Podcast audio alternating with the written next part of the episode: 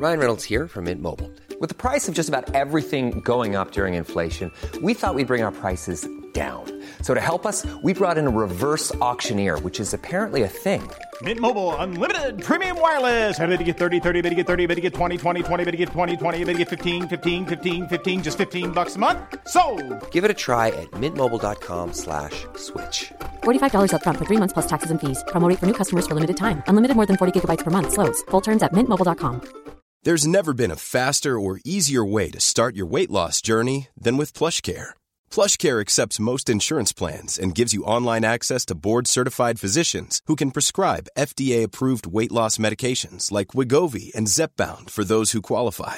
Take charge of your health and speak with a board-certified physician about a weight loss plan that's right for you. Get started today at plushcare.com slash weight loss. That's plushcare.com slash weight loss. plushcare.com slash weight loss. Millions of people have lost weight with personalized plans from Noom, like Evan, who can't stand salads and still lost 50 pounds. Salads, generally, for most people, are the easy button, right? For me, that wasn't an option. I never really was a salad guy. That's just not who I am. But Noom worked for me. Get your personalized plan today at Noom.com. Real Noom user compensated to provide their story. In four weeks, the typical Noom user can expect to lose one to two pounds per week. Individual results may vary. Ja Glenn, eh, det var väl inte riktigt så här jag hade tänkt det här avsnittet skulle börja men eh, jag skulle vilja ge Ingvar Oldsberg en, en liten stund här. Ja, det kan man väl lugnt säga. Han har ju varit med genom alla år. Eh, sen jag började med IFK Göteborg och Uefa Cup-biten där 82. Han var ju med jämt och ständigt. Och, eh, han har ju varit med på Bingolotto i hundra år och en, en, var en, en, en gubbe som gjorde att man mådde jävligt bra och roligt. Han var skitkul att ha att göra med. Så att eh, nu har vi en katt som springer omkring här och är Alltså, ärligt, dessa... Ursäkta, jag har fan lust att slänga ut katten men du vill ju inte Nej, jag kan inte göra det. Nej. Men eh, i alla fall Ingvar, han var ju en glädjespridare av stora mått liksom. Det var ju... Vad man än gjorde med honom så var det inget allvar. Nej. Utan det var bara idioti. Jämt, jämt, jämt. Och det var jävligt roligt. Så man, den första tanken man får om honom när man har hört att han har gått bort nu det är ju att... Det var en jävla glädjespridare. Man mådde jävligt bra i hans sällskap. Har du något eh, speciellt minne så med Ingvar? Ja, jag vet ju det som, det som ligger på hjärnan här mest är väl att det han gjorde på planet hem från Hamburg när vi hade vunnit Uefa-cupen. Han gick omkring och intervjuade folk där och det var ju dagen efter en rejäl blöt skiva kan man ju säga.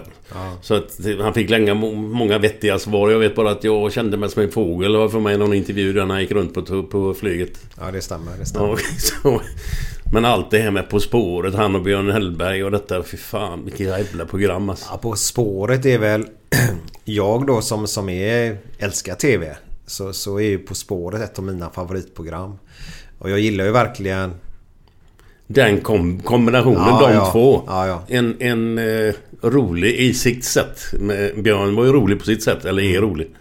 Men han var ju ändå rolig på ett annat sätt, Ingvar då. Mm. Men de kompletterar ju varandra på ett fantastiskt sätt. Den karisman som, som Ingvar hade.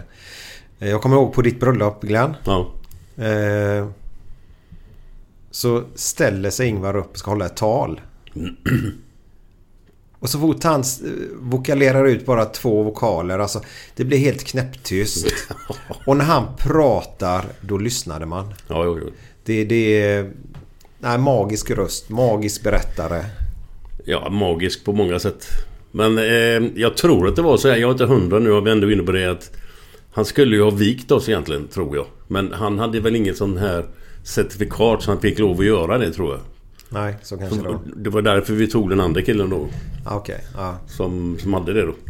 Eh, men Ing- Ingvar vigde väl folk fast gjorde inte han i något annat land? Ja, det vet jag inte. Men det- han gjorde det inte på ett vanligt sätt i alla fall. För det fick han inte lov att göra. Så det var väl något... Ja, något mygelsätt då. Mygelsätt. ja, men han, han... Alltså bättre press kan man ju inte få. Nej. Så att det, nej. var, det var ju synd. Men så planerat va. Men det gick inte. Jag kommer ihåg när, när Ingvar var med i våran podd så, så var det en av de få tillfällena vi spelade in på en riktig krog faktiskt i avsnittet. Har vi Det- satt väl nere på hans där? Där han... Ja, lite ovanför. Ja, där var ja, det på en, i- i backen där. Ja, ett, Ja. exakt. Vi, vi, Ingvar bodde ju vid Vasaplatsen. Jajamän, jajamän. Ehm, ja, och det... Vi skulle börja podden så här ungefär, eller det här försnacket nu. För vi kommer ju snart till våran gäst. Du säkert att bli långrandiga här nu men... Det är det värt. Du har precis fått reda på detta med mm. Ingvar nu då. Mm. Eh, vi skulle börja berätta om 19 maj. Eh, för 40 år sedan, Glenn. Ska jag säga vad som hände då eller? Ja, det kan du väl göra lite snabbt. eh, ja, vi har ju varit inne på det redan med Ingvar här. Han var ju med som reporter då. Vi vann ju Uefa-cupen då. Det var ju bortamatchen då nere i Hamburg. Mm. Vi hade ju slagit dem hemma med 1-0 två veckor tidigare. Du är en assist. Ja, jag är assist till Tord Holmgren. Yes. Ja, ja. Eh, och sen vann vi den nere med 3-0 då. Mm. Och det var ju magiskt. Ja. Och då var ju han med. Och ja, det här blir ju en, ja, typ en hyllning till det gänget som var med där helt enkelt. Ja. Och det vi ska göra den, alltså jag, jag, jag börjar podden så jag hade tänkt att börja med den då. Lyssna nu bara supernoga. Nu gör ni så här, nu går ni till era chefer eller om ni är egenföretagare. Boka av halva dagen den 19 maj. För det var ju så Glenn att alla ni jobbar ju halvtid då. Eller den dagen jobbade ni. Gick ja. ni och frågade om ni fick ledigt? Inte den nere i Hamburg. Nej. Men hemmamatchen. Hemmamatchen. Ja, då jobbade jag till ett eller något. Vad kul. Jag jobbar halva dagen nere till Hamburg och spela. Inte innan. Inte innan. Åh herregud. Ja. Nej men hemmamatcherna var ju så. Ja, ja men, men då får man ju gå tillbaka. Vi, vi ska vrida tillbaka tiden. Eh, nu 19 maj så ska vi åka tillbaka 40 år tillbaka i tiden. Och det kommer hända en grej. Grejen är så här. Vi får inte berätta för mycket nu. Men redan nu. Ta ledigt en halvdag och den 20 maj, det är en fredag, då tar ni helledigt naturligtvis. För ni kommer inte orka jobba den dagen. För vi Glenn, vi ska... Ja, det kommer att bli magiskt kommer det bli bara. Och jag vet inte, jag får inte säga för mycket Nej, säg nu inte för mycket så det inte blir en överraskning Nej. liksom. Bo, bo, boka av era arbeten bara helt enkelt. En eftermiddag kan man göra ja. det. För vi ska faktiskt den kvällen, hela eftermiddagen, kvällen, åka tillbaka till Hamburg. Fast här i Göteborg. Så säger vi inte mer. Nej, nej. Det kan bli mycket goda grejer. Ja. Mm. Ja, dagens gäst då är ju då, får ni snart lyssna på. Han kommer snart. Eh, men det är ju så, vi åkte upp till Stockholm. Då fick vi åka med en härlig bil Glenn, eller hur? Ja, Mobergs, ja jättefin. Våra samarbetspartner. Yes. Och nu gör ni så här, alla ni som lyssnar på den här podden. Går ni in och följer oss på Facebook. Där heter vi Gött denna. På Instagram så heter vi Glenn Hysén understreck Micke Målan då. Eh, sök upp oss, följ oss där. För det är så här att eh, Mobil kommer ha en tävling här snart. Där man kommer att vinna en Recond på sin bil. Det är ventilation eller vad är det? Eller rekond, alltså jag är inte riktigt med vad det är. Inte koll jo, jag har hört talas om det men jag vet Men vad, vad tror du att det är? Det här rekond för mig det är... Det, alltså en... Eh, ja, jag kan ju inte engelska. Vad ska man så. säga? Rekond, rekond, rekond. Vad ska man... Någon kanske någon eh, besiktning eller någonting eller någon... Ja. En rundsmörjning på bilen. Ja, exakt, exakt. Ja, Men nu snackar vi inte i motorn på det sättet. Nej, nej, nej, utan nu snackar vi städning yes. i bilen. Yep, yep. Den, den, blir som en ny bil inuti. Yes. Den blir polerad på utsidan. Mm. Den blir som en supersnygg bil. Yep. Och det är ju det, om man är småbarnsförälder, vem fan har tid att tvätta bilen in och utvändigt? Nej, nej, nej, nej. Herregud. Eller bara man är lat så orkar man heller inte det, eller? Om man, är man lat och har tre ungar också då, som oh. springer, det är ju inte roligt. så det kommer vi snart lotta ut på våra, våra eh, sociala medier då. Eh, John Scott, Partille, Mattias. Nu kan jag bara säga så här. Nu finns Götenneölen där snart på kran. De var där och försökte installera det igår. Det var någon packning som var... Ja, det var något fel på packningen då. Men nu finns Götenneölen på tapp då på kran. På John Scotts i Partille. Tack Mattias. Ja, och så gud. finns den på tapp i John Scotts Mölndal nu också. Oj. Och det kommer att bli även andra bror framöver? Ja, vi, vi, får se. Men de två ställena har det. Så de ska nu, om vill ha Götenneölen på tapp så yep. ska man gå dit. Ja. Och sen har vi John Scotts på Linnégatan. De har den och Avenyn har den fast de har den på burk då. Ja, ja. Så där om ni ska komma hit till Göteborg så är det dessa fyra ställena just nu då som, som vi har. Vi ska presentera mer olika krogar som kommer ha den sen då. Men just John Scotts då, det är ju som oftast går man ju ut där man bor. Ja, ja, ja. Därför att jag har varit på Mölndal. Man ska dit någon dag och kolla match och dricka faktiskt på tapp där också. Mm. Men John Scotts mun, i eh, Partille då. Det är så jäkla bra där för Vet du vad de har på fredagar Glenn? Alltså, de har väl någon form av after work eller någonting kan jag tänka mig. Bra! Och det gillar ju vi i den här podden After Jajamän, Work. jajamän. Men vet du vad det bästa är? De har något som heter bjudbuffé mellan 16 och 18. Då är det alltså gratis mat. Jävlar. Så de ställer fram då olika varianter eh, olika veckor då. Sen mellan 18 och 22 så har de då eh, en DJ då. Denny Bågenholm som håller på att gå runt där. Så får man önska låtar. Jaha. Medan man bowlar eller sitter i baren och eh, tar sig en öl bara. Fan vad grymt. Så eh, det kan vi absolut rekommendera. Ja. Med gratis käklen, det gillar ju du. Ja, det gör väl alla. Gratis käk. Väl ingen säger nej till det. Med en liten buffé där. Så det, det är riktigt bra. Och så ölen då naturligtvis sänker de ju under denna tiden. Ja. Eftersom det Mina är... sänker så dricker upp den. Du sänker den och de... Priset sänker de Ja, i alla fall ja, under tiden då. Så det tycker jag ni ska gå och göra. Och det kommer mer grejer som händer på Partille Arena och John Scotts naturligtvis. Eh, Jag tror fan vi är klara så Glenn. Ja men det ska inte vara för, in, det ska inte vara för komplicerat. Det ska vara enkla besked, enkla budskap. Så här är det. Pang pang. Det här kan man inte missuppfatta. Nej, det kan man inte Nej. göra. Om man på babblar en halvtimme så går det ju åt helvete. Kanske. Det, vi tjötar mycket ändå. Men vi har ju haft ett långt uppehåll. Det var ju därför vi skulle ha det här försnacket. Ja, Men det hände ja. ju det att... Ah, fan, fortfarande tagen av det som har hänt idag.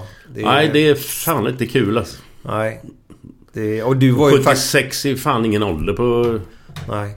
Nej. Och, är och, va? du pratade med Ingvar för, vad sa du, två veckor sedan? Ja, något sånt.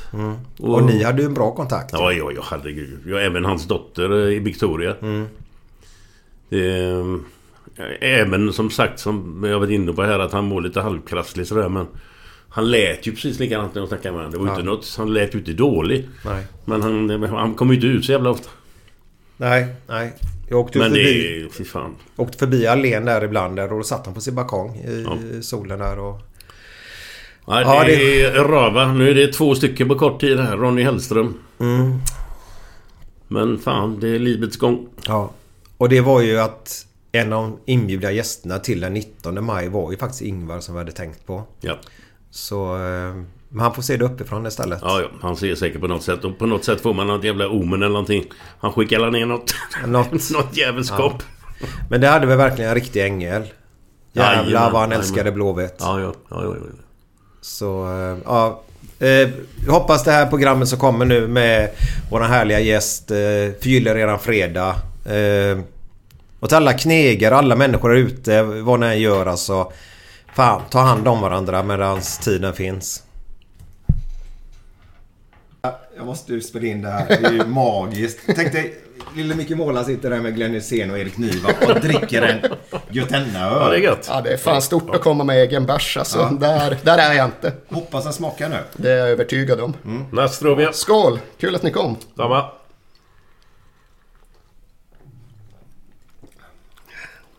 Den var ju skitgod. Jättegod alltså. Ja, du tycker det? Ja, verkligen. Verkligen.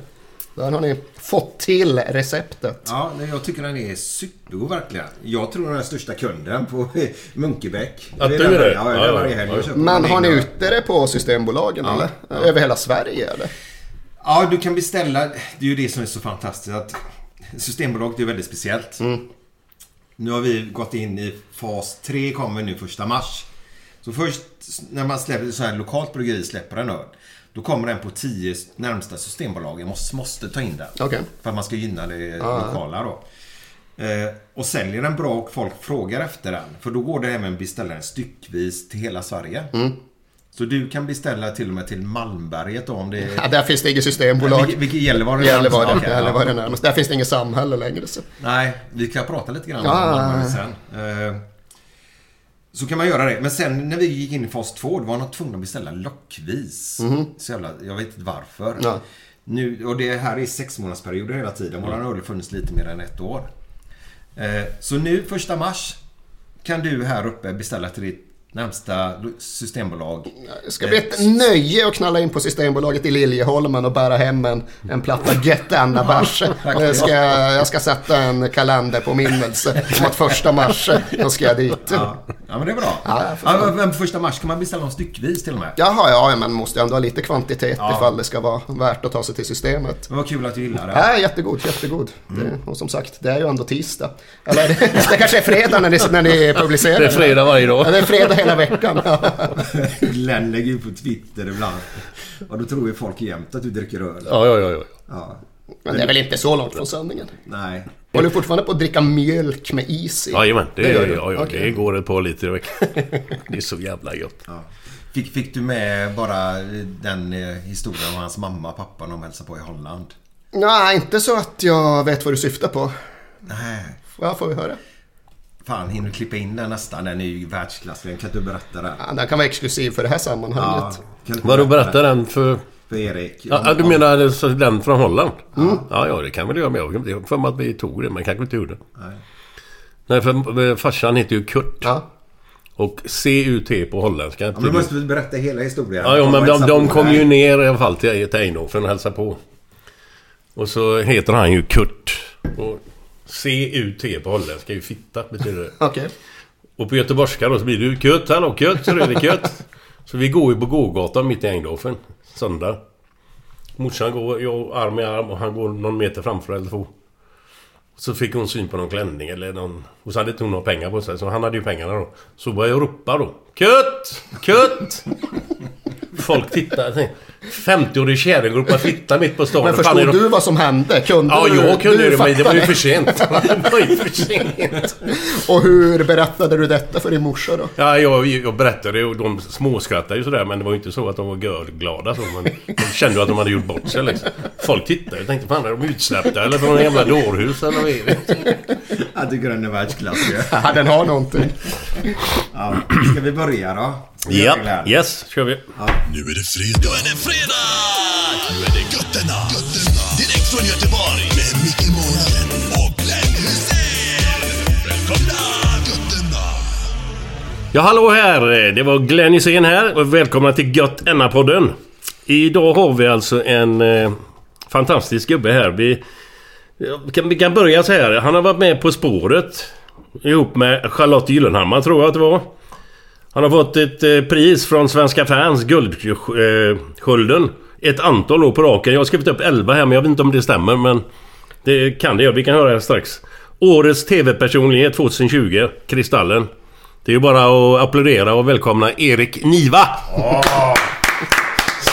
Stämde det där eller? Eh, ja, det gjorde det ju i allt väsentligt. Grejen är att den där guldskölden är lite lurig för de har haft uppehåll vissa år. Så vissa år har priset inte delats ut. Nej, nej, okej. Men sviten är fan obruten sen 2010 eller något i den stilen. Så ju, ju färre priser de delar ut framöver desto bättre. desto större chans att sviten håller i sig. Men det är ju jävligt roligt att, du, att det betyder ju att du gör något vettigt. Just det priset sätter jag faktiskt rätt stort värde på För det är ändå också. fans, liksom. Exakt, det är ett Yes. röstningspris och det brukar ju vara så här 15-20 tusen som röstar. Andra priser är ju så att det är tre gubbar som sitter i en jury Mm. och bestämmer något sinsemellan utifrån liksom vilken typ av medialt genomslag de ska få när de delar ut priset. Så jag tycker det är roligare med de där röstningsgrejerna och den där svenska fansprylen. Ja, ser jag nog fortfarande kanske som det största jag har förärats. Det, det är mina guldbollar ifall vi ska en Ja, ja, med men det dig. är ändå de som sitter och tittar på matcherna och vecka in och vecka ut. Det är ju de närmaste som man... Ja, det är någonstans de Får du bra kritik för. från dem. Ja, ja, så men är det ju så. klockrent, då är man ju hemma. Lite så faktiskt. Yes. Så. Ja. Ja, det är kul. Mm, härligt. Men eh, du hade väl en fråga där egentligen lite grann om eh, Erik, där han har fått någon skit? Ja, ja, det var ju det ja. Mm. Eh, det, som sagt, det, du har ju mycket... Du har ju fått mycket credit för allt du har gjort. Vad du än ställer upp i så är det ju kanon allting. Men jag, jag tänkte, om du, har har du fått skit för någonting någon gång? Alltså det är klart att jag har fått det. Och ibland är det ju enskilda jobb som helt enkelt inte har varit bra. Och då är det ju helt rätt att man får skit. Men sen finns ju också bara det generella, det som alltid kommer komma. Ifall du är ute i någon sorts medial offentlighet. Och herre jösses, jag har ändå haft en kvällstidning som bas i snart 20 år. Och jobbar man på en kvällstidning så är det på alla sätt högt och lågt. Och där lär du dig ganska snabbt att det är drag i mailboxen oavsett vad du gör. Och där lär du dig också ganska snabbt att sortera ifall det är saker som är värda att ta in eller ifall det bara är att släppa. Och jag tror att Vissa kanske klarar det bättre än andra. Jag har ju kollegor som har slutat tidigt för att de känner att äh, de pallar inte den här typen av respons. Det tar på dem för mycket. Men just den grejen hade jag ändå ganska lätt att skaka av mig. Och det har jag sen haft med mig nu när allt har vuxit och accelererat. För, för 20 år sedan då fick du fortfarande handskrivna brev och de var inte så många. Sen fick du mail och de var lite fler. Men nu får du kommentarer på sociala medier och de är ju ännu mycket fler och ännu mycket syrligare i vissa fall. Och jag är ju lyckligt lottad som du är inne på. Det är många som har varit jävligt snälla genom åren. Men det är klart att det även finns de som kastar skit bara för att kasta skit. Och för att de inte tål mig eller det jag gör eller hur jag pratar eller vart jag kommer ifrån. Hela den där grejen. Och det finns och jag noterar det, det gör jag absolut, men det påverkar mig inte skitmycket. Det som påverkar mig är ju de gånger man faktiskt har gjort ett dåligt jobb och folk knallar på det. Då är det inget kul, men det är mest för att man har varit värdelös själv. Mm. Men det svarar du upp någon gång eller? Nej, i grunden aldrig. Nej, nej. För, ja men det är också en sån där sak att Gyttje brottas aldrig med en gris, för du kan inte vinna. Du blir smutsig, grisen blir glad. Du kan inte ge dig in i den sortens debatter. Så jag använder liksom, jag diskuterar aldrig på sociala medier. Nej, nej. Inte ens när det liksom kommer till vettiga grejer. Inte ens om någon vill höra av sig och tycka jag har fel om Liverpools fyrbackslinje. Jag går inte in i den diskussionen på sociala medier. För där är liksom syftet för många att missförstå med flit. och det pallar jag inte riktigt. Nej. Det är bra. Det är bra faktiskt när prov kommer. För just det där att man vill missförstå med flit. ja, Det är ju så jävla sorgligt. är det Ja, inte ja, det är det. Det är verkligen ett av de stora samhällsproblemen och det blir väl som tydligast på sociala medier. Men det finns ju fan överallt. Att man väljer att just missförstå, att tolka illvilligt, att utgå ifrån att någon annan kommer från fel plats och liksom ska argumenteras ner. Och det är ju så jävla skadligt för ifall man istället försöker sätta sig ner och likt en Glenn Hussein ta en bira och snacka så tycker man ju i grund och botten alltid mycket bättre om en människa. Ifall man sitter så här så går man ju därifrån och känner att ja, men den där jäkeln var rätt vettig ändå. Och det saknar vi ju, det har vi för lite av medan vi har alldeles för mycket av folk som väljer att missförstå folk på sociala medier. Ja, det var bra sagt. Ja, mycket, ja, mycket intressant. Vi kommer komma tillbaka lite grann om det. Eh, jag har ju lyssnat på ditt sommarprat från 2019 tror jag det var. Och det berörde mig väldigt mycket på många plan. Okej. Och det gav mig även insikt lite grann hur, hur du jobbar som journalist. Fast du gjorde det på ett väldigt... Hey, I'm Ryan Reynolds. Recently, I asked Mint Mobile's legal team if big wireless companies are allowed to raise prices due to inflation. They said yes. And then when I asked if raising prices technically violates those onerous two year contracts, they said, What the f are you talking about, you insane Hollywood ass? F- So to recap, we're cutting the price of Mint Unlimited from $30 a month to just $15 a month. Give it a try at mintmobile.com slash switch. $45 upfront for three months plus taxes and fees. Promo rate for new customers for limited time. Unlimited more than 40 gigabytes per month. Slows. Full terms at mintmobile.com. I'm Sandra, and I'm just the professional your small business was looking for. But you didn't hire me because you didn't use LinkedIn jobs. LinkedIn has professionals you can't find anywhere else, including those who aren't actively looking for a new job but might be open to the perfect role, like me. In a given month, over 70% of LinkedIn users don't visit other leading job sites. So if you're not looking on LinkedIn, you'll miss out on great candidates like Sandra. Start hiring professionals like a professional. Post your free job on linkedin.com/achieve slash achieve today. Ever catch yourself eating the same flavorless dinner three days in a row? Dreaming of something better? Well, HelloFresh is your guilt-free dream come true, baby. It's me, Kiki Palmer. Let's wake up those taste buds with hot, juicy pecan-crusted chicken or garlic butter shrimp scampi. Mm. Hello Fresh. Stop dreaming of all the delicious possibilities and dig in at HelloFresh.com. Let's get this dinner party started.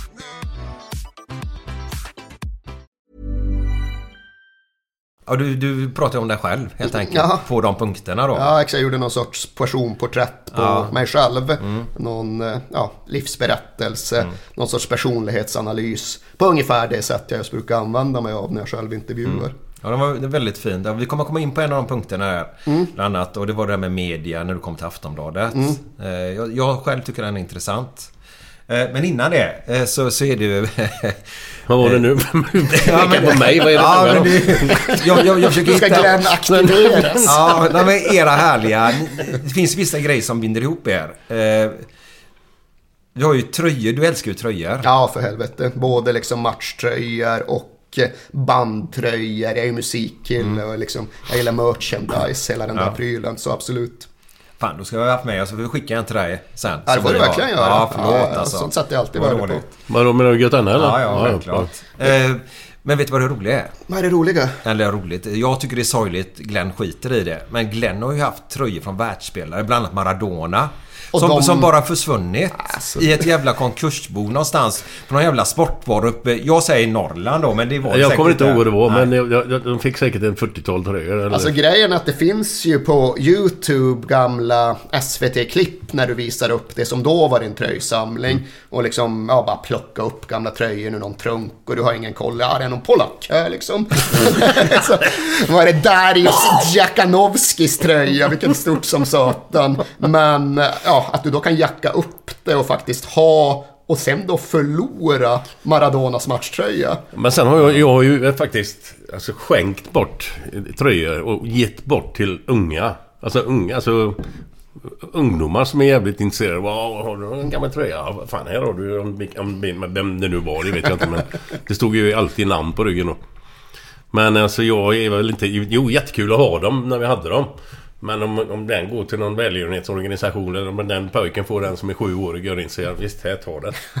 Nej men det hedrar ju dig. Och jag har ju min bild av din mentalitet och ditt sätt att fungera. Och du framstår ju sällan som en nostalgiker och du framstår sällan som en person som grämer dig, som gråter över spilld mjölk. Så jag förstår väl att ja, du hade Maradonas tröja, sen hade du inte Maradonas tröja, så kan det gå. Medan jag liksom, jag hade ju avslutat mitt liv ifall jag hade blivit av med Maradona-tröja. Det hade inte gått att fortsätta efter en sån förlust. Ja, det går ju inte. Nej, det är helt omöjligt. Men jag vet en del tycker då att det är liksom, vad ska man säga? Inte oförsvarligt, men vad fan säger man? Oförsvarbart. Nej, ja, att... att Oförskämt. Ja, oförskämt Ja. att man bara skänker, bara skänker bort en sån tröja. Men jag tänker ju inte så liksom. Jag tänker bara om han, den pojken tycker det är skitkul att ha den tröjan, visst ha den. Ja, nej, men han blir väl förmodligen gladare av Den den ligger ju bara i en jävla garderob. Den hänger ju ingenstans. Men, men där måste jag... Folk kom fram till mig när som jag jobbade som inom bygg då. Efter ett avsnitt på... Glenn hade ju ett tv-program som hette Hur sent ett tag.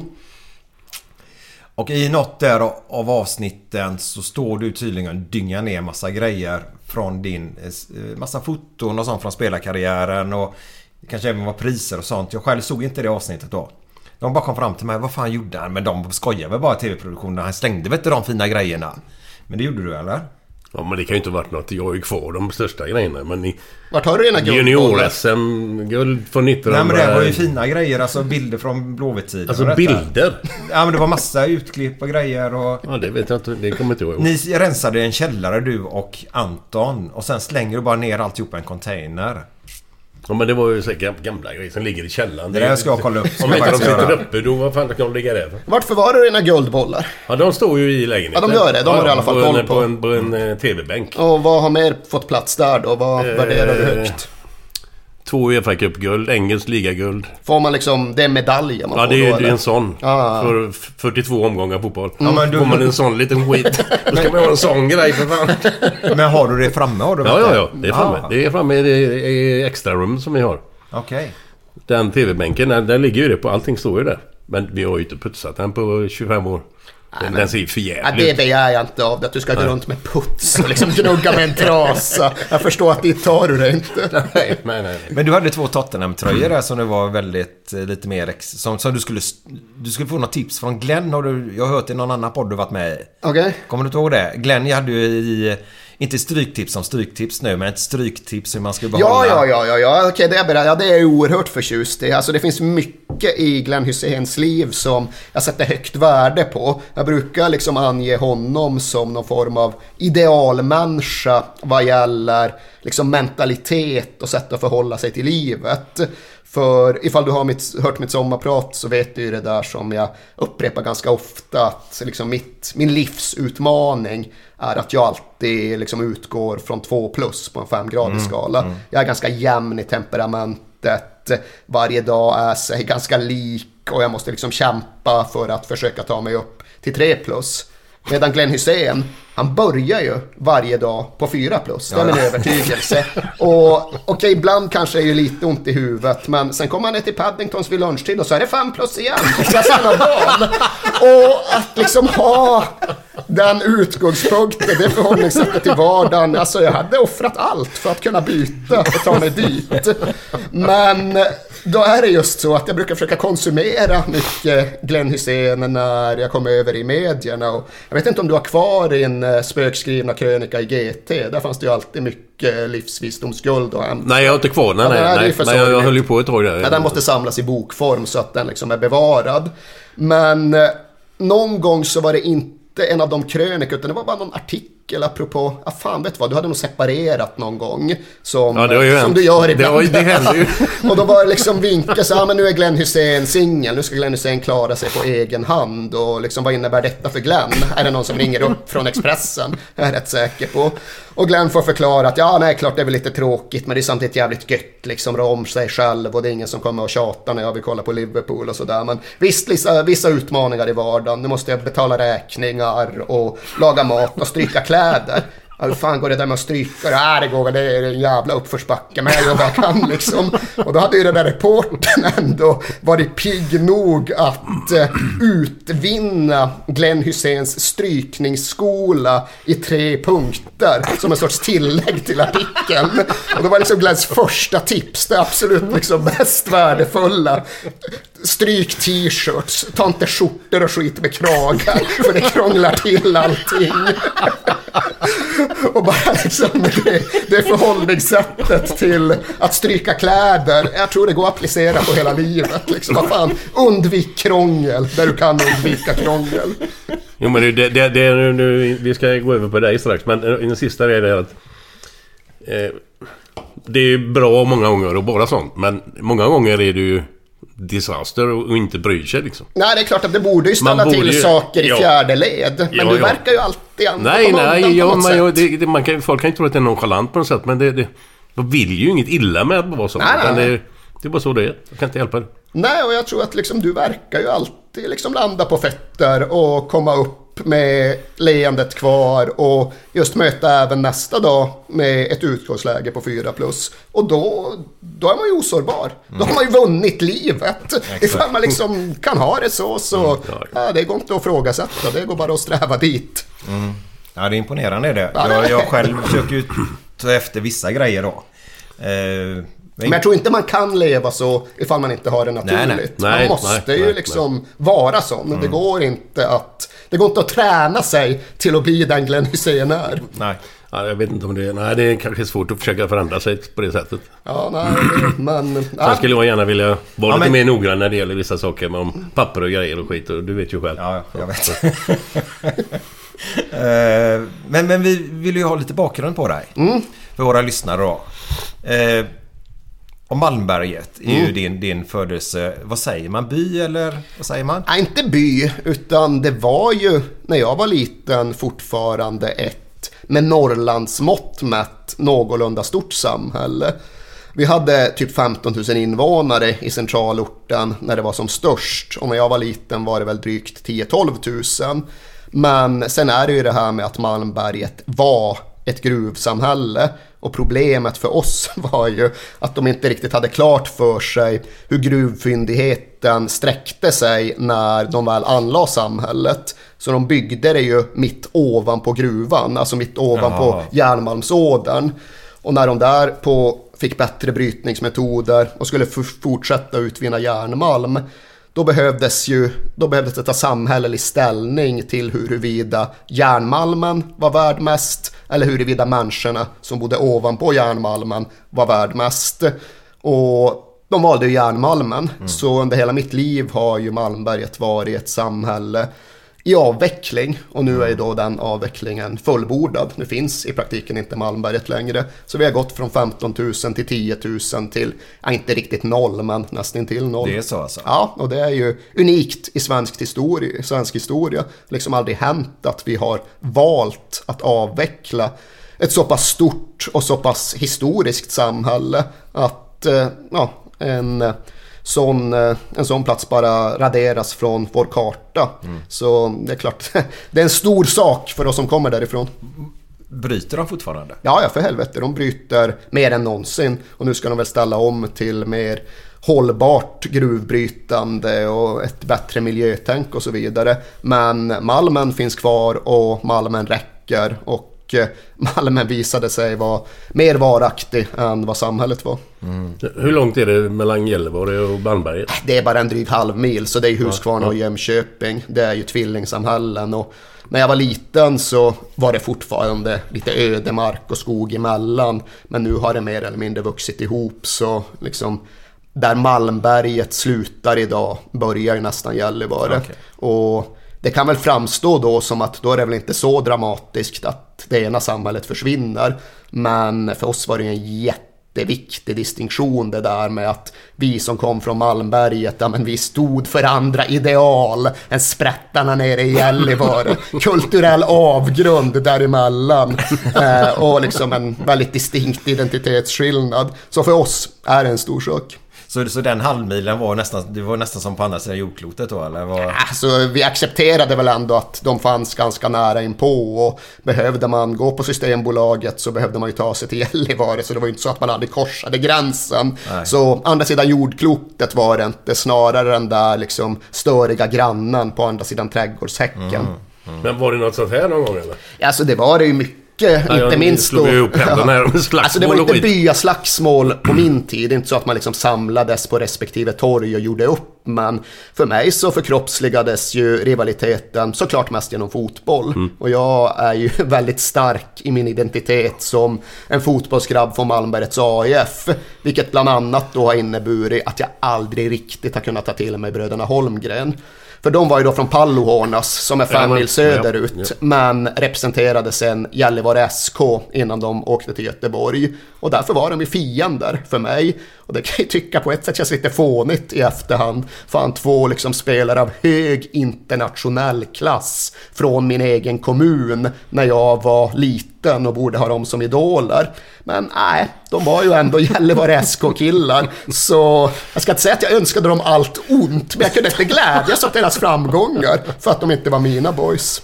Ja, det är så? Ja, så var det. Så var det. Och så förblir det någon mån även idag. Ja, just För nu har det blivit det där att ja, vi har inget samhälle kvar och det är helt ohållbart att kommunen ska ha två separata fotbollsklubbar. Det finns inte underlag för det. Så det rimliga har ju varit att slå ihop Malmbergs AIF och Gällivare SK. Och det gjordes, men det fungerade inte. För att alldeles för många är fortfarande som jag. Ja. Och det är... Alltså det är inte konstruktivt och det är liksom lätt för mig att sitta i Stockholm och prata om hur misstänksam man ska vara mot Gällivare SK. Ifall man bor där uppe så är det klart att man ska få den där sammanslagningen att fungera. Det är det enda hållbara framåt.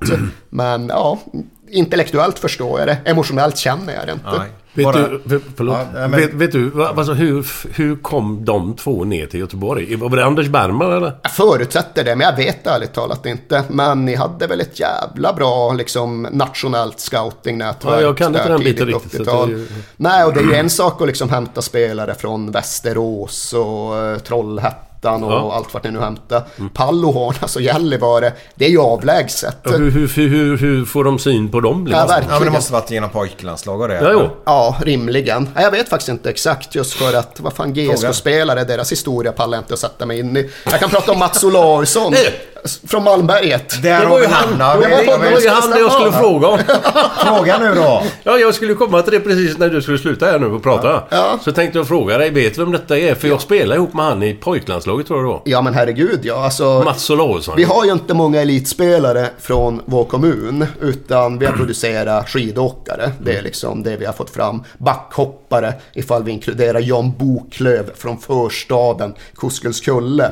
Men fotbollsspelare har vi knappt fått fram några, utan det som har kommit är ju då bröderna Holmgren och därtill även Sulu Vattovara. Var han därifrån också Ja, alltså han var inte från våra trakter, men av någon anledning var han uppe och studsa i Gällivare SK några säsonger. Var det han som spelade i Norrköping? Ja, exakt, exakt. Och liksom, de är kvar där nere tror jag. Jag tror hans son är rätt framstående inom liksom Norrköpings fotbollen idag som ledare. Mm. Men ja, han kan ändå Gällivare SK på något sätt räkna till de sina. Så de har Tommy Holmgren, Tord Holmgren, Solo Vattovara och Malmbergets AIF har då Mats Olausson och Jocke Karlsson som var nere i ÖIS bland annat ja, ja, ja. och var murbräcka. Och det innebär ju att ja, de är våra grabbar och de sätter vi väldigt högt värde på. Och Mats Olausson, han växte upp bara en gata ovanför mig i stadsdelen som heter Norra Mosebacke. Och han var ju lite äldre, han hade egentligen flyttat hemifrån. Han är väl i min ålder eller? Ja, exakt. Och jag, måste, jag tror han lämnade Malmfälten kanske slutet av 70-talet, möjligen tidigt 80-tal. Och det är liksom för tidigt för att jag ska ha några minnen. Men han gjorde ju mål i någon SM-final, kanske 1985, på straff för AIK. Och det kunde vi glädja oss åt. Liksom. Vi kan ha era bröder Holmgren som snurrar med Barcelona. Mats Olausson från Malmberget gör i alla fall mål på straff i en SM-final. Och sen kom då Jocke Karlsson som var min idol. För han var väl kanske 7-8 år äldre. Så när jag var 8 år gammal, då var han 16 och var någon form av underbarn. Och liksom grabbarna i kvarteret samlades för att titta på när Jocke Karlsson gjorde sit-ups för att han var ett sånt fysiskt fenomen. Oj. Så han är väl liksom min stora barndomsidol och liksom min Malmbergshjälte när det kommer till fotboll. Vi har inte haft mycket men vi har i alla fall haft Mats Olausson och Jocke Karlsson. Mm. Men du, vi, vi hade ju en kille till i Blåvitt från Gällivare. Ja, men... Som aldrig fick chansen riktigt. Han, han var lite... Han var mycket på bänken och spelade inte speciellt mycket. Vet du vem det var? Ja men vad fan hette han? Bjarne? Nej, det, Nej, det är Bjarne, Tommy och Tords ja, lillebror. Exakt. Ja det är det jag blandade ja, ihop ja, det. Men ja. vad fan hette den killen? Tyvärr så tog han livet av sig för några år sedan. Jaha, oj jäklar. Thomas Hansson. Ja, det är så ingen som, ingen som, nej. nej. Men han var nere i Blåvitt under två säsonger eller något sånt där. Men han fick aldrig chansen riktigt. Vet du om han flyttade tillbaks upp sen? Eller jag tror det ja. ja. För, ja det där är ju också en Ja, det kommer jag ju till din, ja. Eh, ditt sommarprat där. Att det är så otroligt många från Malmö som tar, tagit livet av sig. Ja, det var så definitivt. Och i någon mån har det väl också blivit kvar. Eh, officiell självmordsstatistik är inte alltid att lita på. För det är många självmord som bokförs med andra dödsorsaker. Men vi har alltid haft den problematiken under ja, hela mitt liv. Och det accelererade och eskalerade och blev någon typ av makaber samhällstrend då i mitten av 90-talet när jag gick på gymnasiet. Och folk i min egen ålder ja, men föll bokstavligt talat som flugor. Det, ja, men det blev en typ av jävligt obehaglig och svårbegriplig samhällstrend att det var ett alternativ. Det var ett sätt att förhålla sig till då ja, ett samhälle som var väldigt isolerat och som inte mådde så jävla bra och som en gång skulle försvinna. Och det är klart att det var ju någonting som präglade stämningsläget i ens ungdom väldigt mm. mycket. Shit. Fy fan. Vad, vad, har du några reflekterat vad det var som kan... Att, att, att, att det blev så? Eller äh, är, är det bruksort överhuvudtaget? Att det är... Alltså jag tror att Malmberget påminner jättemycket om bruksorter över hela Sverige och det innebär att de flesta kan liksom ha en grundförståelse för ungefär vad det är för samhällsmentalitet. Men sen förstärktes vår särart ändå av två dimensioner. Och det ena var ju att det var så oerhört jävla avlägset. Alltså det är långt till Malmberget. Ska du komma hem till mig härifrån Stockholm, ja då får du sätta dig på ett nattåg som tar 16-17 timmar. Det är 133 mil. Ska du flyga så får du försöka ta dig upp via en mellanlandning i Arvidsjaur med ett estniskt flygbolag som tar både en jävla lång tid och kostar hur mycket pengar som helst. Så det är svårt. Och när jag var yngre så var ju världen ja, ännu mycket mer avlägsen mm. än vad den kanske är idag. Det fanns inget internet, fanns ingen kabel-tv, utan det fanns en känsla av att eh, universum tog slut vid kommungränsen. Mm. Och vi hade 25 mil till Luleå och det var dit man skulle åka om man behövde köpa ett par jeans liksom. Och det innebar ju att många som jag växte upp med jag kom aldrig utanför kommunen. Alltså jag gick i skolan med folk som aldrig hade varit utanför Gällivare kommun. Och när den tillvaron då inte riktigt fungerar. När det samhället som är hela din värld, hela ditt universum inte mår bra, då gör det nog saker med människor. Och i efterhand har jag reflekterat kring det där att jag kände ju mig lite instängd där. Men jag kände mig aldrig fångad för jag hade någon rastlöshet och jag hade inte minst genom fotbollen en nyfikenhet på att upptäcka världen. Så jag kände alltid att jag hade en väg ut. Mm. Men många andra gjorde nog inte det. De kände att deras liv var förankrat i Gällivare, Malmberget och vi hade landets högsta utflyttningsstatistik under 90-talet för då gick gruvan dåligt. Då fanns det liksom inga jobb och det enda man visste var att ja, en dag kommer det dessutom försvinna helt det här samhället vid gruvans kant.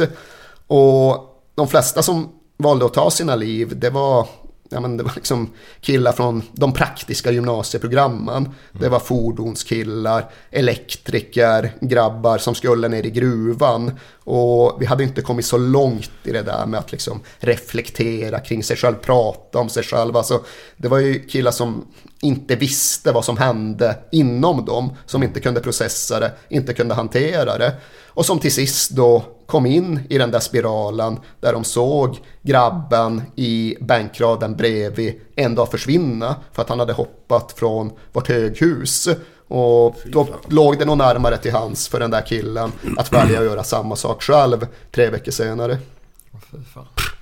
Ja, det var en speciell tid. Men det fanns det i Malmberg då?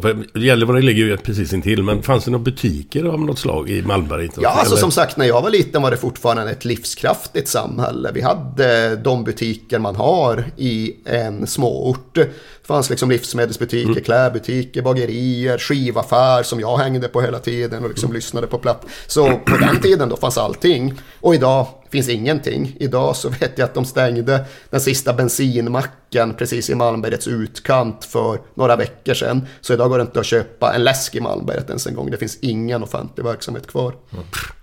Fan. Det är sorgligt. Jag, jag, jag har alltid haft min tanke så här att bruksorterna då i, i Sverige så är det oftast tjejerna som har flyttat ifrån mm. och killarna stannar kvar. Det har varit min, min tanke. Mm. Stämmer det eller är jag fel? Ja, nej, det var jättemycket så också. Men även där så måste man förstå den här skillnaden. Att ifall du växer upp i Surahammar, för att bara ta en bruksort ur hatten i Mellansverige, ja men då har du två, tre mil till Västerås. Ja, då har du 12-13 mil till Stockholm. Liksom det finns alternativ runt knuten. Du går på en lokaltåg eller en lokalbuss så är du i en storstad på 20 minuter. Mm. Och det hade då inte vi, utan Nej. vi hade 25 mil söderut till Luleå som det närmaste alternativet, det närmaste liksom, tanken på en annan typ av liv. Mm.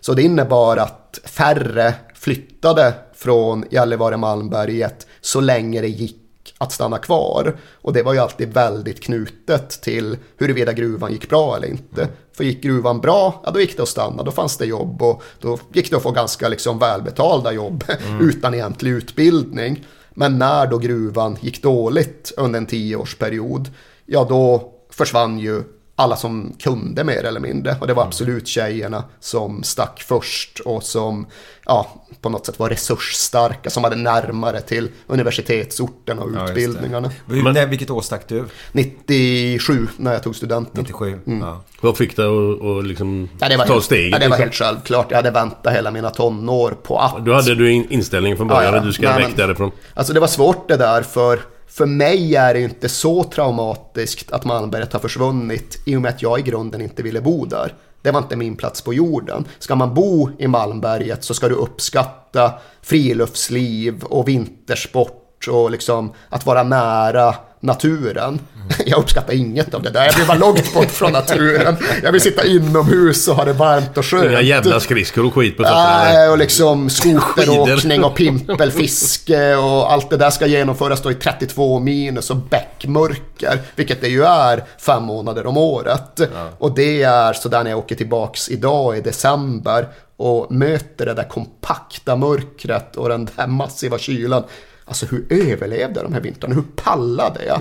Men när jag var liten så kände jag såklart inte till något annat. Men jag kände alltid i mig att det här är inte för mig. Jag ska bort och jag ska bara hitta ett sätt och en tid att göra det. Och grejen är att redan när jag skulle börja gymnasiet, när jag alltså var 15, så kommer jag ihåg att jag åkte på eget bevåg till London och bokade in någon form av studiebesök på den svenska skolan i sydvästra London. Och kom dit och liksom sa att ja, kan ni visa mig runt? Jag hoppas kunna börja här. Och de bara, jaha, liksom, vad gör dina föräldrar? Ja, nej, de jobbar på kommunen i Gällivare. Ja, alltså de ska inte flytta hit och jobba. Nej, nej, nej. Så vad ska du göra? Jag vill bara flytta hit. Jag vill bara, ja, nej, så funkar funkar inte riktigt liksom. Ah, det var ju helvete. Så jag hade väl liksom inte riktigt tänkt igenom hur jag liksom skulle använda min gymnasietid. Men då ville jag, jag ville till England för jag ville se fotboll och ville kolla på Tottenham. För det var liksom drömmen för mig. Och då lyckades jag inte förverkliga den då. Och det är klart att jag hade bara kunnat flytta till Luleå och gå något gymnasium vilket som helst. Men det pallade jag inte. Utan jag gick ändå gymnasiet. Men väldigt klar över att så fort jag hade gjort det, så fort studenten var fixad så skulle jag dra. Och då drog jag då till London när jag var 17, 18 år gammal. Var jag. Men när du åker tillbaka till, upp, upp, uppåt till Malmberget eller Gällborg. Mm. Är det föräldrar och har du kompisar som bor kvar? Ja, för absolut. Du umgås med liksom ja, nej, men det har jag. Det har jag. Det är eh, ganska många som har blivit kvar just som jag ändå har kvar kontakten med. Men föräldrarna bor också kvar precis då i utkanten av Malmberget.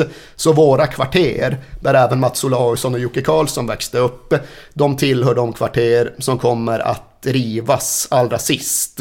Och jag brukar säga det att min farsa kommer ju vara den absolut sista människan som lämnar Malmberget. För han kommer vinschas upp liggandes i sin soffa som dinglar då över gruvhålet när de vinschar upp han till en helikopter och tvångsförflyttar honom därifrån. Men ja, de bor kvar i samma hus där jag själv växte upp för ja, det ligger i utkanten och har inte blivit sen. Ja, men eh, man kan säga att de i alla fall vill ju bo där, om man säger. Det är lite både och om jag ska vara helt ärlig. Ja, För min farsa vill ju det. Han är ju från Malmfälten, han kommer från gruvarbetarsläkt och han har aldrig haft några ambitioner att bo någon annanstans. Men min morsa är ju då från Uppsala, från mm. akademikersläkt och från en liksom universitetsmiljö. Mm. Och hon hamnade mest bara där uppe mm. som någon form av liksom... Men hur fan träffades de då? Ja men de träffades där Alltså min morsa är lärarinna. Hon hade gått lärarhögskolan och när hon väl blev examinerad därifrån och skulle jobba så hade väl hon någon romantisk missuppfattning om livet i norr. Det här var liksom ja, men kort efter 68-svängen och vi hade ju haft den stora gruvstrejken ja, uppe i Malmfälten och det fanns nog ändå liksom någonting som kändes lite spännande med att flytta mm. dit. I synnerhet då som hon uppskattar utförsåkning och liksom vildmarkslivet och allt det där. Så hon flyttade upp för att jobba som lärarinna och då träffades de.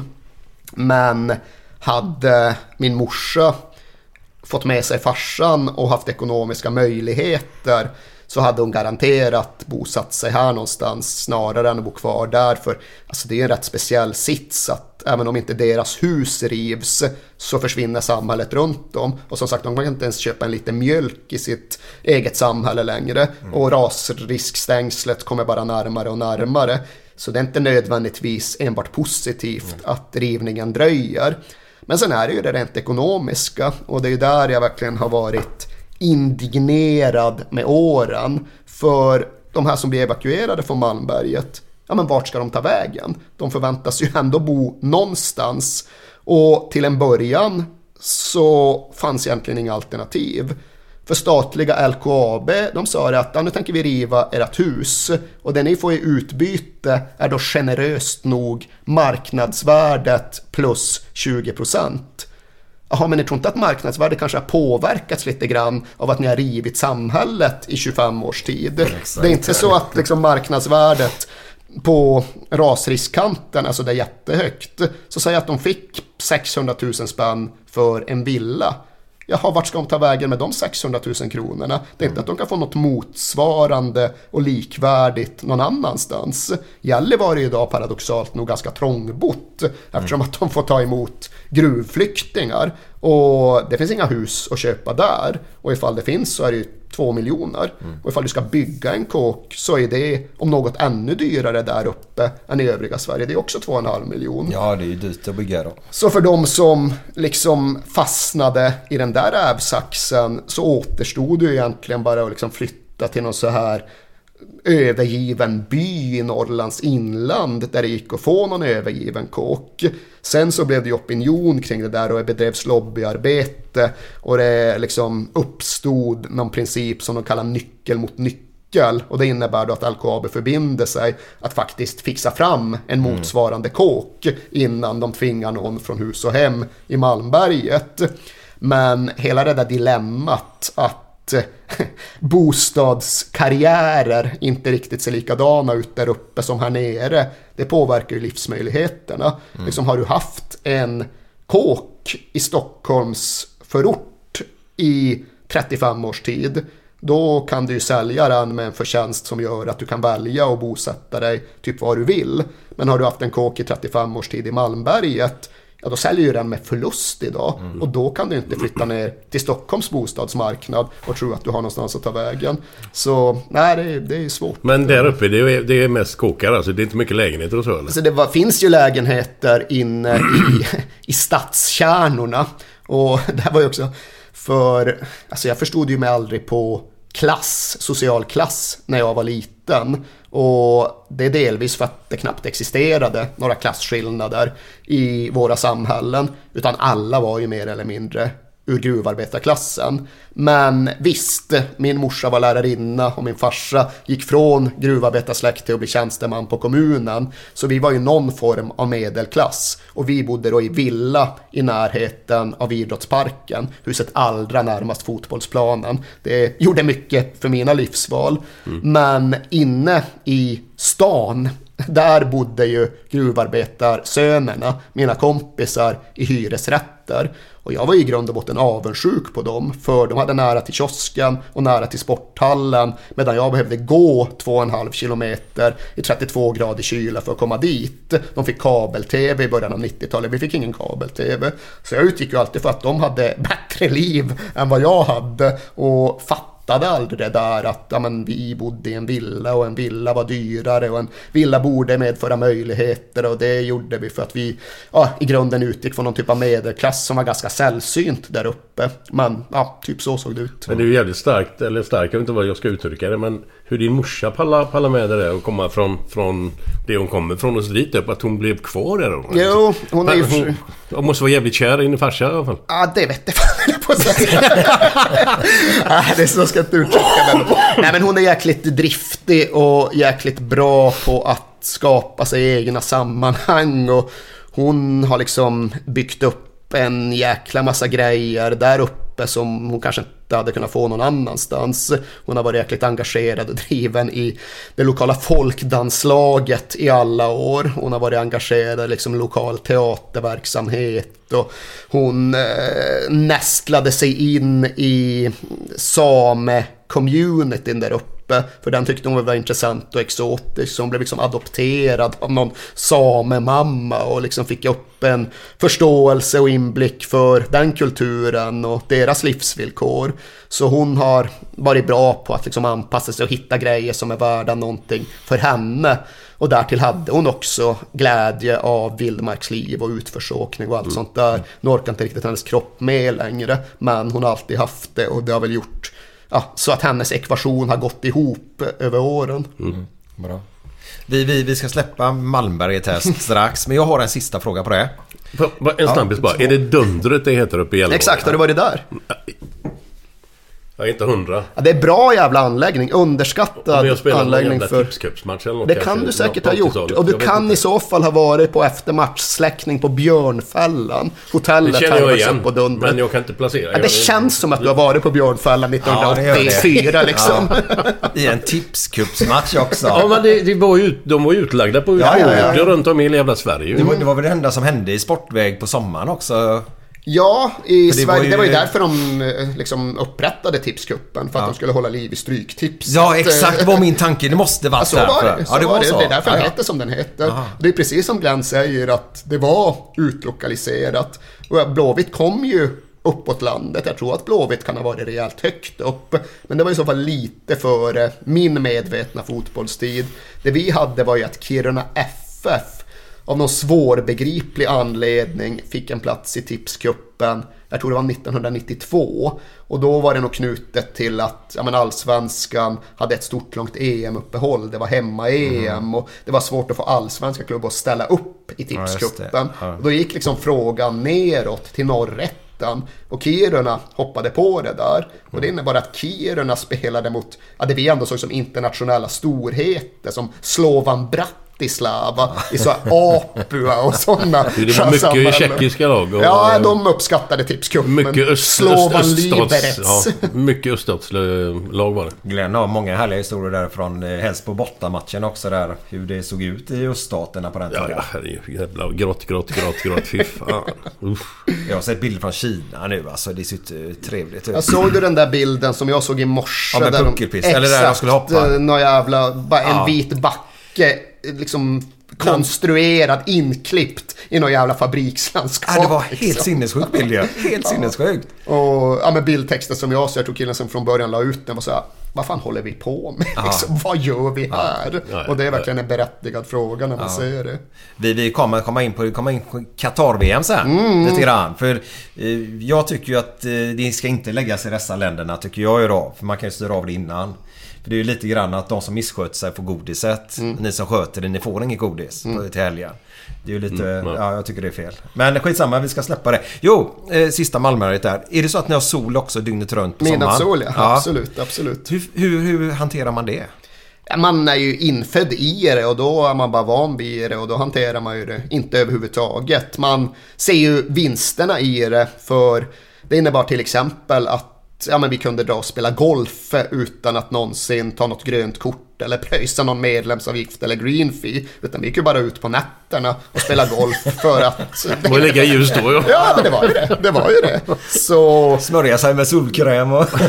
alltså det det är är ju att midnattssolen kommer ju där någon gång ja, men i början av sommaren. Och den tid som jag kan uppskatta reservationslöst i Malmfälten, det är tiden mellan sig, påsk och midsommar.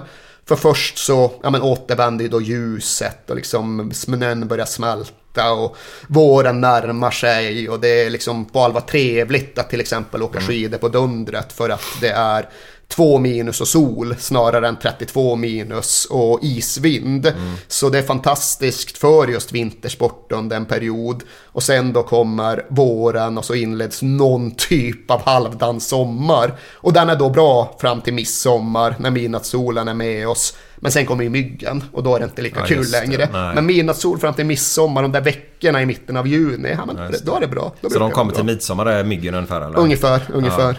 Ja. De är ju hemska. Och de syns eller?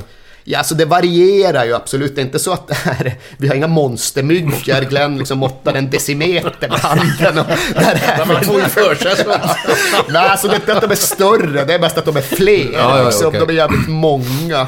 Jag minns någon gång, när ni träffade ju Anna, min sambo, här på vägen in och mm. hon hade med sig sin farsa, alltså min svärfar, ett år. Och då var vi just uppe på dundret. Och normalt sett blåser mygg bort från dundret för det fläktar uppe på toppen. Mm. Men det var någon dag då det var ganska vindstilla. Och min svärfar hade någon grej för sig där han inte ville använda myggmedel. Han trodde inte på det, lite någon annan antivaxare okay. av idag. Så? Ja, jag vet inte fan vad det handlade om, men han hade någon sån idé. Och så hade vi varit uppe då och tittat på midnattssolen just. Och det var att käka våfflor i någon skidstuga där på toppen av dundret. Och vi hade gjort det. Och sen skulle vi tillbaks till bilen. Och eftersom att det var vindstilla var det satans med mygg. Det tyckte jag också uppvuxen. Nu var det ovanligt mycket mygg, liksom jobbigt. Men jag hade ändå myggmedel och liksom jag gick snabbt och så var jag tillbaks till bilen. Men han kom på halvvägs till bilen att jäklar nu har jag glömt min kamera där nere i våffelstugan. Jag måste gå tillbaka. Han gjorde det, han är ganska stor, ganska tung, rör sig inte som en vessla direkt. Så han liksom fick streta på lite över åsarna på fjället. Och när vi då satt i bilen och väntade på att det skulle återvända, då såg vi bokstavligt talat hur ett stort grått jävla molnsteg upp över en av åsarna. Och bara, vad fan är det där? Och sen ser vi Thomas och min svärfar komma pustandes, viftandes. Och då hade han alltså då ja. dragit till sig så många mygg att det bokstavligt talat var ett grått moln ovanför honom. Jag ser bilden framför mig. Ja, det var helt otroligt. Det är en serietidning och det hade jag aldrig sett vare sig förr eller senare. Och dagen efter så åkte vi ut till det som brukade vara Vår sommarstuga som vi hade vid Torne älv mellan Tärende och Pajala för att geografiskt orientera er. Och där var det ännu mycket mer mygg. Och där var det så mycket mygg att även vi med myggmedel knappt kunde gå ut. Det var helt olidligt. Men stugan ligger då precis vid Torne älv. Och det går en bro över älven ganska nära där vi har stugan. Så jag och Anna, ja, vi bara liksom kom fram att om vi går mitt på den där bron så borde vi väl komma utanför myggornas räckhåll. Och det gjorde vi. Och så stod vi där, för det var typ den enda platsen man kunde vistas utomhus. och när vi hade stått där ett tag så kom det några så här Tornedalsgubbar och vankade över bron. Och vi började prata med dem och jag sa, fan det är helvete vad det var mycket mygg i år. Jag brukade vara här mycket när jag var liten och så här mycket mygg var det ju typ aldrig. Nej men vet du, det är inte rätt att det är mycket mygg i år. Det är rätt att det har varit lite mygg i 30 år och i år är det ett normalt år igen. Okay. Nej, då hade det väl bara att finna sig i det. Sen dess har jag faktiskt aldrig varit tillbaka. Nej, vad härligt. Vad härligt. Glenn, ja. det är dags för din lilla nivåsättning. Japp. Det är inga känsliga öron hemma här nu eller? Nej, det är folk, Nej, det är bra. folk är tåliga. Ja, det är bra. Vi får se vilken... eh, Ska vi ta den? Ja, det gör vi. Ja, det är ett moment, jag har ju lyssnat på några poddar så jag vet ja. ju vad som väntar. Det här är ett ja. moment man har sett fram emot med spänd förväntan alltså. Förskräckelse. ja, det, det, är en del av det. men sen är det så också att det är en del som faktiskt har återkommit igen flera gånger. Ja, men du har lovat nya nu. Vissa, vissa... du glömmer bort vad du redan har kört för material? Ja, men jag kommer inte ihåg vilka, vilka sammanhang man har tagit i liksom. Får jag bara ta en liten grej? För det är så roligt alltid när vi åker bil. Vi hinner ju prata en del. Mm. Nu har vi haft fem timmar på oss på vägen hit ja. upp. Så om jag kör eller sitter efter så kommer en hand och slår på mig. Har du hört den här då? Och du har alltid hört den. Ja, och så, så Har jag berättat det? Ja, det har du gjort. Ja, fan också. 15 gånger i podden bara. Va? Har jag det? Han blir lika förvånad varje gång. Det är ju svårt att uppdatera sig och just liksom inte köra slut på de gamla oh, ja. hitsen. Oh, ja. Det vet man ju också när publiken går på en spel. De vill inte höra någon som experimenterar med nytt material. Nej, nej. Man vill ju höra liksom örhängena, the golden mm. oldies. Ja, så nu har vi förväntningarna stora Glenn. Ja. Eh, jag väljer mellan två här. Men jag tror att denna är bättre. Ta bägge då. Ja, det kan vi göra också. Det är ju nivåsättning. vet, för, vet du varför det är jävligt bra att ha somalier och eh, afghaner i ett ishockeylag? Nej, det vet jag inte Glenn. Det vet jag De blir aldrig utvisade. alltså...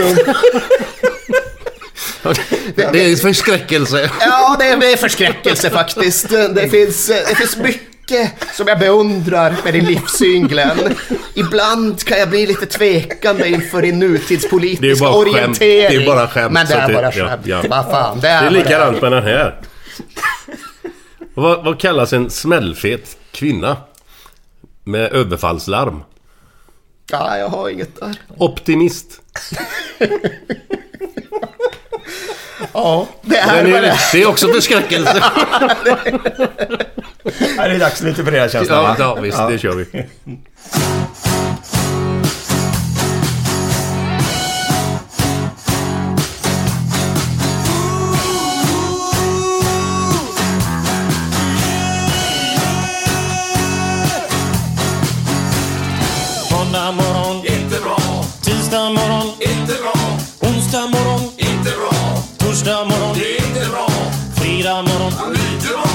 Fredag lunch.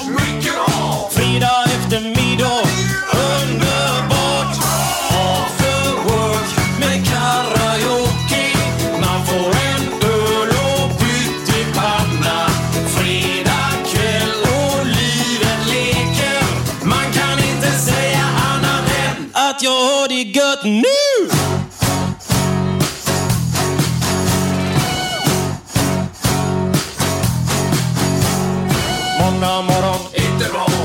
Tisdag morgon, inte bra. Onsdag morgon, inte bra. Torsdag morgon, ja, inte bra. Fredag morgon, ja, lite bra. Fredag lunch, mycket bra.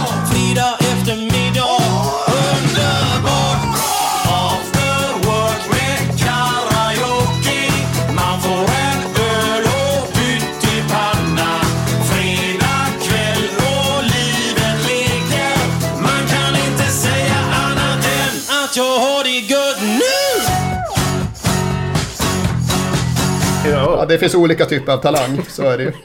Hans grabb är numera lagkapten i IFK Luleå, som ju är ja, typ Norrbottens bästa lag i jävligt svag konkurrens. Ja, jo, jo, jo. Men ja, ändå en spelare. Här sitter vi. Ja, det är, det är inte helt fel. En eh, Det är ju ändå tisdag. som vi eftermiddag, säger. tisdag eftermiddag Ja, ja, ja. i Stockholm. Herregud. Ja, Sämre kan man ha det. Ja, solen börjar lysa ute noterar jag också. Så. Kolla, kolla skumkronorna de häller upp gubbarna. Ja, det är fan världsklass. Det ska ju se gött ut. Ja, jag ser det. Ja, Smakar det gött då? ja det är fantastiskt. Verkligen. Gött är ordet. Japp. Vad, vad, vad, får jag fråga, vad tyckte du om ölen nu? Nej, men Seriöst? jättegod, verkligen. Den gör ju precis det jobb man vill att den ska göra. En ljus lager med lite större punch i. Ja. Fan vad härligt. Eller hur Glenn? Ja, ja. De kan vara insamma föregående talare. Ja, det är bra. Kommer på fredag. Eh, ja, det var ju den det. Glenn, varsågod. Kör vi. Ja, det här var ju den underbara låten här med eh, Björn eh, Rosenström. After Work. After work. Ja, den blir man aldrig trött på faktiskt, måste jag säga. Är du, är du helt säker? Nej, vi, har kört den nu i många poddar och vi gjort. Eh, ja, det är väl närmare 150. Den blir bara bättre och bättre. Ja, det, det vet beror på vart man utgår ifrån Glenn. Den är ganska lik sen första gången. Men... Eh, vi sitter ju här nu, dricker en härlig Götene-öl. Eh, samtalar, vi får höra din lilla bakgrund här nu.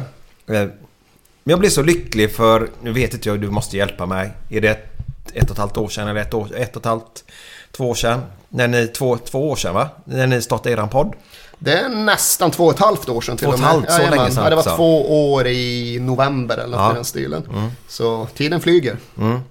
Och du, det jag älskar är att när vi började med våran podd 2016 Glenn Så har folk varit på oss. Ni måste göra den kortare, den ska inte vara så lång, den måste vara kort, kort. Helst den eh, ultimata podden är en busstur 20 minuter ungefär för de vill ju vara lyssningar för att tjäna pengar då. Eh, och det ska inte vara det och det ska inte vara det. Jag fick så mycket förmaningar hela tiden. Men vi har skitit i det. Vi har kört vårat race och vi kommer att göra det hela tiden också. Eh, och så kommer ni och bryter en bana, eh, poddbana där ute. För jag ser ju att många, Alex och Sigge, de börjar ju längre poddar också nu. Och detta. Det, är det ett bra innehåll, då, då håller en podd. Men ni har ju världsrekord nästan. vad, är, vad, är, vad, är, vad är den längsta podden som ni har gjort? Alltså vi har ju börjat införa någon form av regelverk för oss själva att allt över fyra timmar ska delas upp i flera avsnitt. Så det beror ju lite på hur man räknar. Ifall man räknar historien om Leo Messi som en historia så är den typ 11-12 timmar lång. Men som enskilt avsnitt tror jag faktiskt den enda gången vi har tillåtit oss att spränga fyra timmars vallen var när vi firade 100 med ett avsnitt om det förträffliga Tottenham Hotspur-lag från 90-91 som Glenn spelade mot. Ja, exakt. Sen har han inga minnen av det, men det är en Nej. annan sak. Ja men det, det är... Jag kan säga så här, jag har lyssnat på alla era avsnitt för det är, viss, vissa grejer är jag inte intresserad Nej, av. och då, då, då orkar man inte lyssna Nej, då investerar man inte tre timmar. Nej, så är det. det. Och så vissa älskar jag ju. Eh, Wimbledon tycker jag är är magiskt. Eh, Leicester är ju magiskt. Alltså ni gjorde ju om lilla Ljungskile till Ja. och med. Då, då snackar vi... Du, är mitt, alltså inte mitt gamla lag men alltså jag gillar den här Åshöjdens eh, berättelserna lite grann. Ja, Ja, nej, de kommer upp. så är det ju. Och just att ni hittar de här udda delarna också. Eh, Så, så tack för att ni har startat den podden. Vad heter den förresten? Fråga... Ja, den hette When We Were Kings och den handlar ju då om att sammanhangssätta historiska fotbollsklubbar, fotbollslag, fotbollsspelare. Vad hände egentligen när Wimbledon vann FA-cupen 1988? Hur såg den storyn ut från början till slut? Eller för den delen, vad innebar det att IFK Göteborg faktiskt satsade på att vinna Champions League 1994-95? Vad säger det idag om hur fotbollsvärlden har förändrats och om hur Sverige och Göteborg har förändrats? Vi är ju väldigt intresserade av det där att på något sätt förankra våra historier i samhället och det är väl ofta det som ger podden ett existensberättigande. Vi är inte så jävla intresserade av hur Roger Gustafssons fyrbackslinje egentligen hängde ihop. Vi bryr oss om det också, men det är sällan huvudsaken. Och som du sa tidigare så fick ju vi också höra precis samma saker när vi skulle starta podden. Och vi var ju nya på ljudmarknaden. Vi kunde printmedia, vi kom från tidningsvärlden. Men det som folk som kunde ljud sa till oss var ju max en timme. Mer pallar inte folk. Och okej då, då är det så det funkar så får vi väl rätta oss efter det för de vet väl bättre än vad vi gör. Men sen blev ändå första avsnittet kanske 1.14 för, ja vad fan ni vet hur det är, gränser tennis. Ja, ja, ja. Ja. Och folk verkade uppskatta det. Jaha, det var ju kanon. Och sen kanske nästa avsnitt blev 1.19 och ingen sura för det heller. Och sen var tredje avsnittet 1.34 och oj jävlar, nu blev ett avsnitt 2.06 och det var inte en surmin och det var inte en massa lyssnare som droppade av när vi kollade på så statistiska kurvor. Utan folk hängde ju med. Folk var glada. Folk tycktes uppskatta den där ambitionen att berätta en story från början till slut. Och ja, när det var på det sättet så var det väl bara att fortsätta och ösa på. Men det var liksom ingen storslagen vision från början utan vi tänkte att vi gör väl vad vi kan och lyssnar på de som vet och så får det bli vad det blir. Men vi upptäckte ju då längs vägen att ja, den där en timmas gränsen som det pratades om, den var visst inte så jävla relevant ändå. Nej. Men du, var kommer namnet ifrån? Vad hittar ni? Alltså lite det är ju en gammal, det är en pastisch, en snodd titel från en gammal boxningsdokumentär om Muhammad Ali och jag vet inte fan om det är Sonny Liston eller Frazier eller vem det var. Men undrar om det är så att dokumentären handlar om den här klassiska Rumble in the Jungle-matchen i Kinshasa kanske? Det stämmer på nog, ja. Ja, 70-talet. stämmer säkert. Och den dokumentären, det var liksom min partner och kollega Håkan som ville sno den titeln. Han gillade den filmen mer än jag gör. Men den är väl just lite så att den utgår från den där känslan. Okej. Fan en dag, en gång, när, en gång för länge sedan, då var vi fan störst, då var vi fan bäst, då var vi fan kungar. Nu skruvar vi bandet tillbaka och minns hur det var då. Ja. Så jävla bra. Ja, det är Ja. en jävla skön titel. Det ska bli jävligt intressant nu för vi sitter ju då här en tisdag även om detta publiceras en fredag. Och imorgon dag på onsdagen samma vecka så publiceras det första av två When He Was King avsnitt om Glenn Hussein. Åh! vi jubla och glatt oj. Glenn har ju typ inte förstått det Nej. förrän ni kom hit nu. Nej. Trots Nej. att jag ändå har ringt upp honom och försökt förklara konceptet.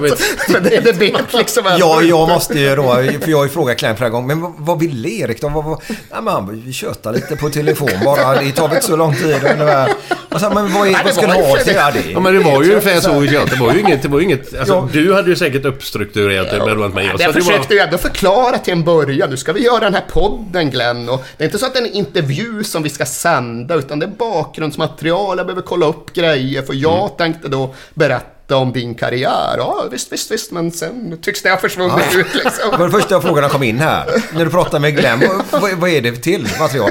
Ja men det är ju till min podd. Den släpps ju imorgon. Va? ja, det är världsklass Ja, fan, det är- Världsklass. Men det är inte, återigen, det är inte för nonchalant på något sätt. Utan det är bara... Ja, ja, det ja, bara är så, ja. Det är ingenting som irriterar mig. Jag Nej. tror mig veta ungefär hur det funkar. Och det glädjer mig. Men en del kan tycka att det kanske är nonchalant eller man tänker "Vad, du bryr dig inte ett skit. Men det gör jag ju. Men, men jag kan inte liksom... Ja, Nej, men, det blir som det vad blir. fan, vad, exakt. Var, varför haka upp sig på grejer? Ja, jag ska lära av dig. Han hakar inte upp sig, man upprepar sig. Varje gång vi åkte till Stockholm, vad kan det vara under den här podden? Så att vi har varit här uppe en 25 gånger kanske. Ja. Tror jag i alla fall. Eh, så åker vi förbi en skylt. Så står det... Alltså jag kan Låt mig gissa att det är Ja. en buskisskämt som... Nej, Nej, nej, nej, nej, det är inget skämt. Okej. Nej, nej. Vem var det som bodde där? Eller uppvuxen där? Ja. Säger han varje gång. Och det är lite sorgligt det här då. Men det är en gammal fotbollsspelare då.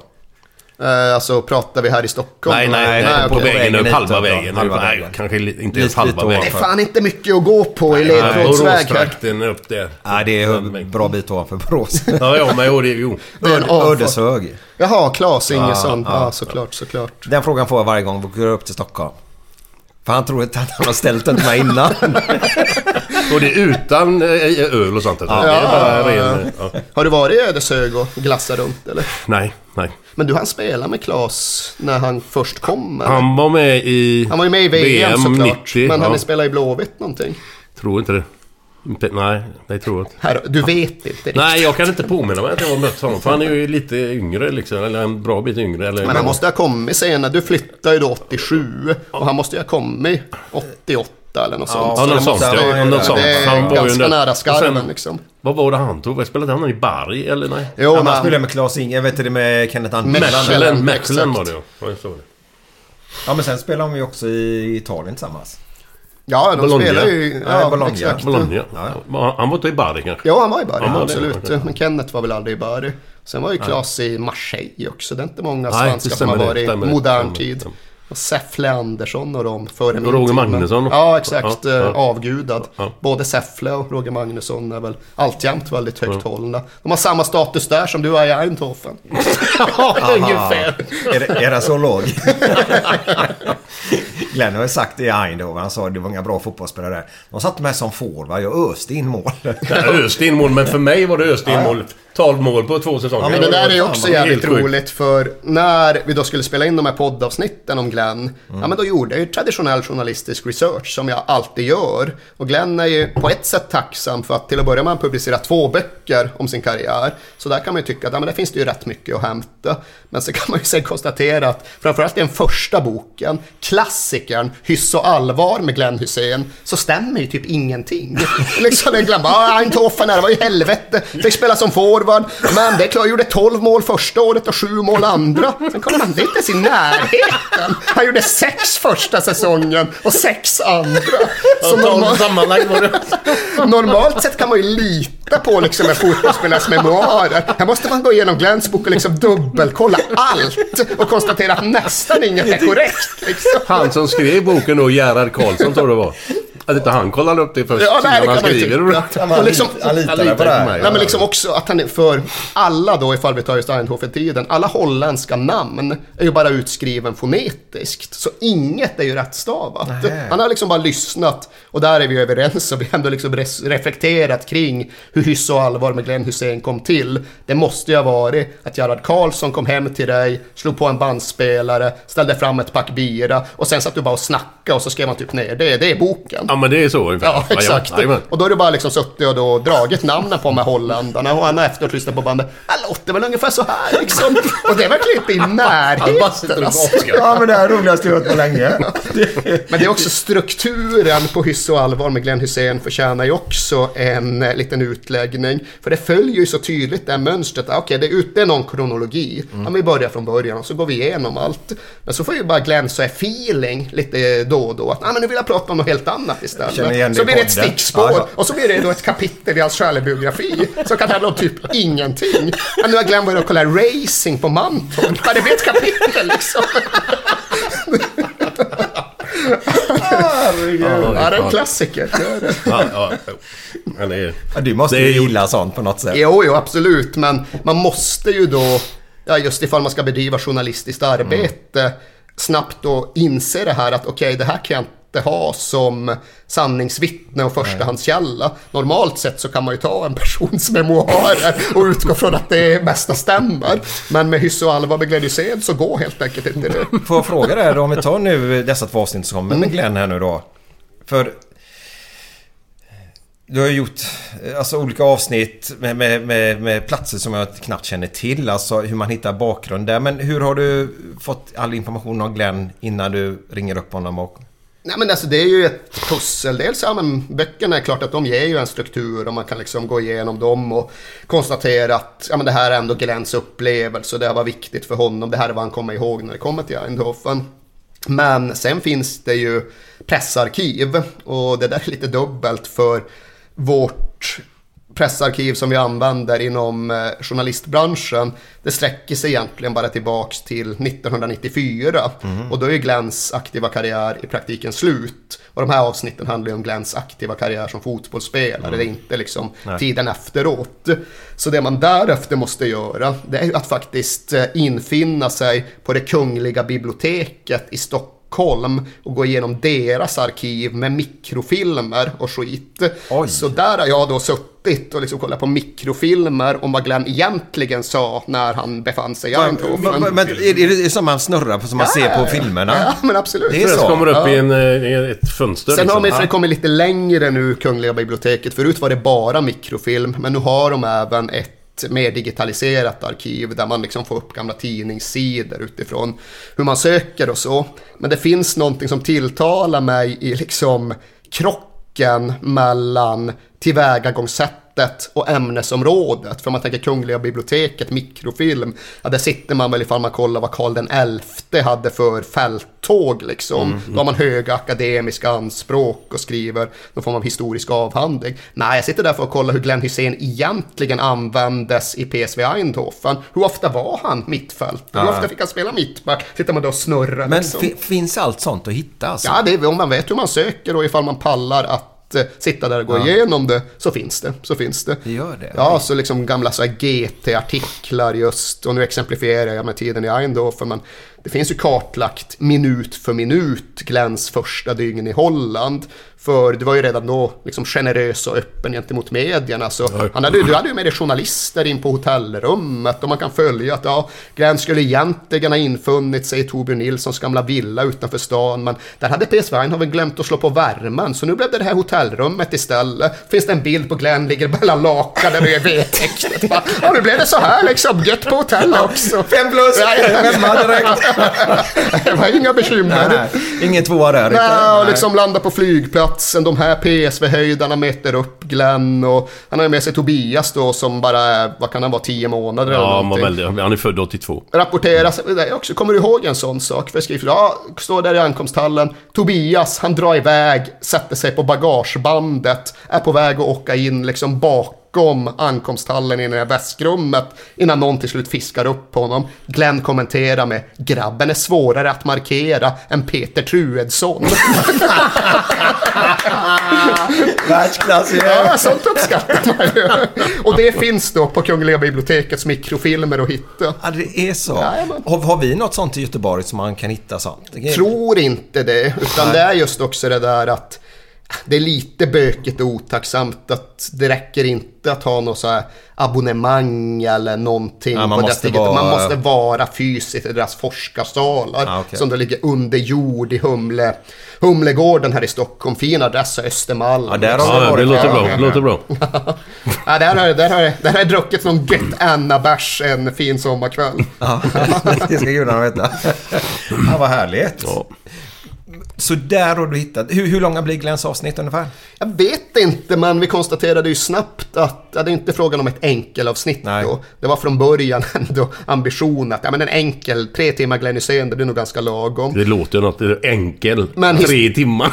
Historien var ju för stor för det, så det blir en dubbel. Det blir väl två gånger två, 40 eller något i den Ja, vad stilen. härligt. Och ja, det är ju just det där, men okej, nu hade vi just ändå den uttryckliga ambitionen och utgångspunkten att det är Glens karriär, inte livet därefter. Nej, det nej. är så mycket snackat om det ändå. Ja, utan exakt. grejen här är att vi vill påminna alla om vilken jävla fotbollsspelare karln ändå var. Men ska man ta det från början till slut, liksom allt ifrån att Kurt står och drillar fyraåringen på den där jävla ängen på hissingen till det att du lämnar guys och gruffar om någon jävla elinstallation för en halv miljon. Ja men då tar det sitt tag. Alltså, Ja. Det är ändå mycket, mycket som händer längs vägen. Ja, ja, så då blir det väl fem timmar eller någonting. Be, har du fått fram till hur guys raggade upp Glenn eller? Är det med också eller? Alltså, jag vet inte i detalj, men jag vet ju liksom vad det var sagt om upplägget. Att de mer eller mindre skulle göra den där villan beboelig. Det var inte så att de skulle bygga huset, Nej, de skulle nej, sköta nej. allt liksom interiört och just alla eldragningar och allt vad det nu var. Och det var väl det som i grunden var liksom ramen för avtalet med Ja, Gais. yes, stämmer. Men sen drog de. Och Ja, sen backade de ur efter ett par några månader. Ja, du fick väl pröjsa alla? Jag pröjsade liksom. allting Ja. själv, men enligt Gais alla supportrar. Ja, då Så du är det jag som är boven. Jag har Ja, ja. snott, de har fått lägga ner ungdomsverksamheter och... Allting. Men det är ju ändå en befogad fråga att ställa. Vad drog du för jävla el egentligen? De ska ha 480 000 för det 1994. Det är en statsbudget. Det måste ju vara... Måste ju varit med rullegeri och målning och hela skiten. Nej, det var inte så det rapporterades på mikrofilmerna i alla fall. Nej, nej, nej. Ja, det var avancerad el. Ja, rejält. Hoppas Nej, men du det- hade ljusshower där hemma. Det, det var så dyrt för Glenn skulle hjälpa till att dra den kanske. Ja, exakt. Nej, Det var i och för sig någonting, att från början kostade det typ hälften, men sen hade paret Hussein haft synpunkter och så hade de typ behövt göra om allting. Ja. Så då var det väl att du pitchade upp för Lätt ljus. överdrivet på den nivån. Ja, skit i det. Ja, vi, vi, vi kan väl säga så här, när det gäller paret Hussein som hade synpunkter så var det ju en, en person som hade lite mer synpunkter. Så kan vi väl säga utan att Yes. säga för mycket. Ja, Ja, det- absolut, ja. absolut. Det Men låter som jag kan tro på. nu är det Peter, nu är det Peter skulle jag ha sagt. Nu är det Erik Niva vi ska prata Ja, om. men Yes. bara en liten grej till. Efter ett par månader Gais, vet du hur han fick betalt då? Fick du fram det också? Nej, nu Nej. tror jag att eh, vi är på obruten mark här. Du får gärna berätta Glenn. Nej men de sa ju till mig, alltså, jag trodde jag skulle dö. Han eh, Stanard Wilson som var ordförande då. Betongbyggen. Han kom eh, ner och sa du vi har ett problem med cashen nu liksom. Tror du du kan ta månadslön i bensincheckar? Du höll på att pendla till någon jävla liksom, tobaksaffär du hade öppnat. Ja, jag hade ju menas. sin eh, spelbutik. Ja, ja. ja, tobak. Det var också tobaksaffär men... Så ute i Flatås i, i Frölunda. Men det tyckte du ändå lät helt okej? Klart jag tar bensincheckar eller? Nej, nej, nej. Det blev ju... Alltså, jag, det blev en vecka eller något sånt där. Eller en månad eller vad fan det var. Så jag kommer inte ihåg vad det blev av det sista än. Nej, jag kommer inte ihåg. Nu ska vi väl kanske inte fastna just där, men det är ju ändå lite oklart än idag vad som fick dig att göra det sista året i Gais. Liksom allt tydde väl på att du borde ha lagt av 93, men ändå Ja. fick du för dig att skriva på för ett år till. jag Sen tänkte- spelar du typ Jag aldrig. tänkte väl så här att hem till Göteborg för fan. Det, det, det är som var det viktigaste då. Mm. Eh, Och ska jag till Göteborg kan man ju testa ett år. Och kanske Gais då. För det är Jo, ett annat men lag. inte- inte Blåvitt igen. ja, men Inte att du väljer att gå dit, Nej. utan när du ändå liksom spelar där i ja, men, två säsonger och är skadedrabbad Ja, och de har ja. inga pengar och Ja. allt liksom känns som att det var bäst att bryta här. Men ärligt förbannat skriver på för ytterligare ett år. Ja. Och spela sen aldrig. Du är skadad hela våren, sen ska du börja spela, men då drar du till USA-VM och, och dricker bärs istället. Ja, det var mycket på en gång. Ja. Erik, nu är det det vi pratar om. Ja, det är så härligt. Det är så härligt. Eh, Tottenham, ditt favoritlag. Ja. Mm.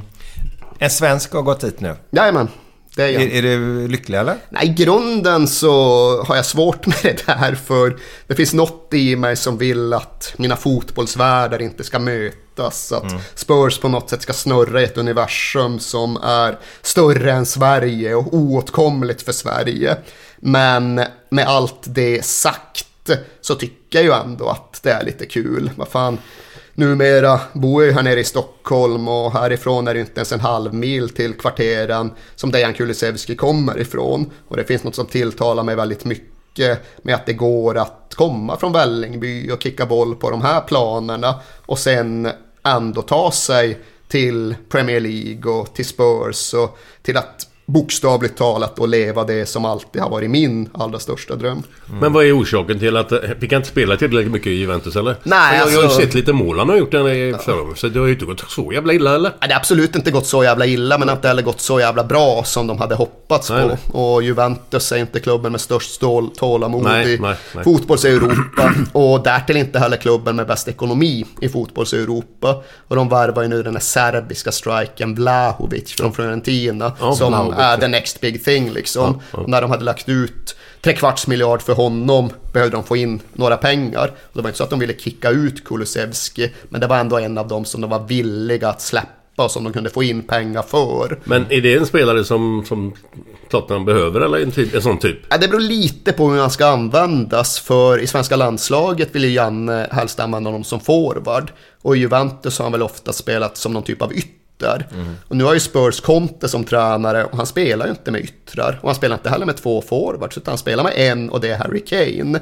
Det vi däremot saknar och det som Conte har gillat att göra, det är ju att konvertera offensiva spelare med bra motor till så kallad wingback. Alltså offensiv ytterback som mer eller mindre ska täcka en hel kant själv och skägga upp och ner, upp och ner. Och därtill ha en bra sista boll för de här spelarna förväntas vara kreativa och slå inlägg.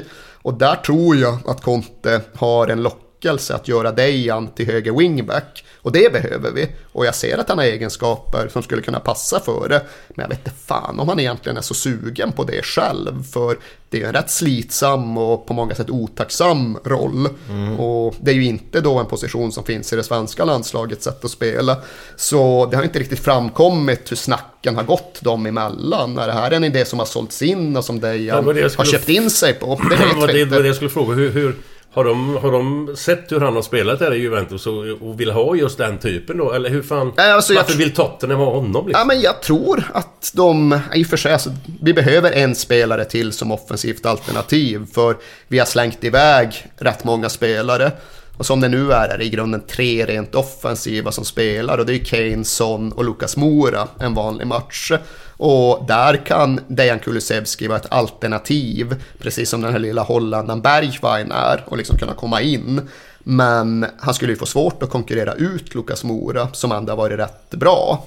Så ifall vi tar in honom som andra val bakom Lukas Mora så tycker jag inte det är värt det för vare sig klubben eller för Dejan Kulusevski. Men just höger wingback, ja, där finns det en öppning och där skulle han kunna liksom ha egenskaperna som krävs. Men det har liksom inte riktigt framkommit ännu om det är så de har sålt in det för Dejan. Conte har sagt på en presskonferens att vi ser honom som en kille som kan spela höger wingback. Men det gick ju rätt snabbt. Det här är ju transferfönstrets sista dagar. Och Ja, jag skulle så fråga Mm. dig hur fan var hur, hur...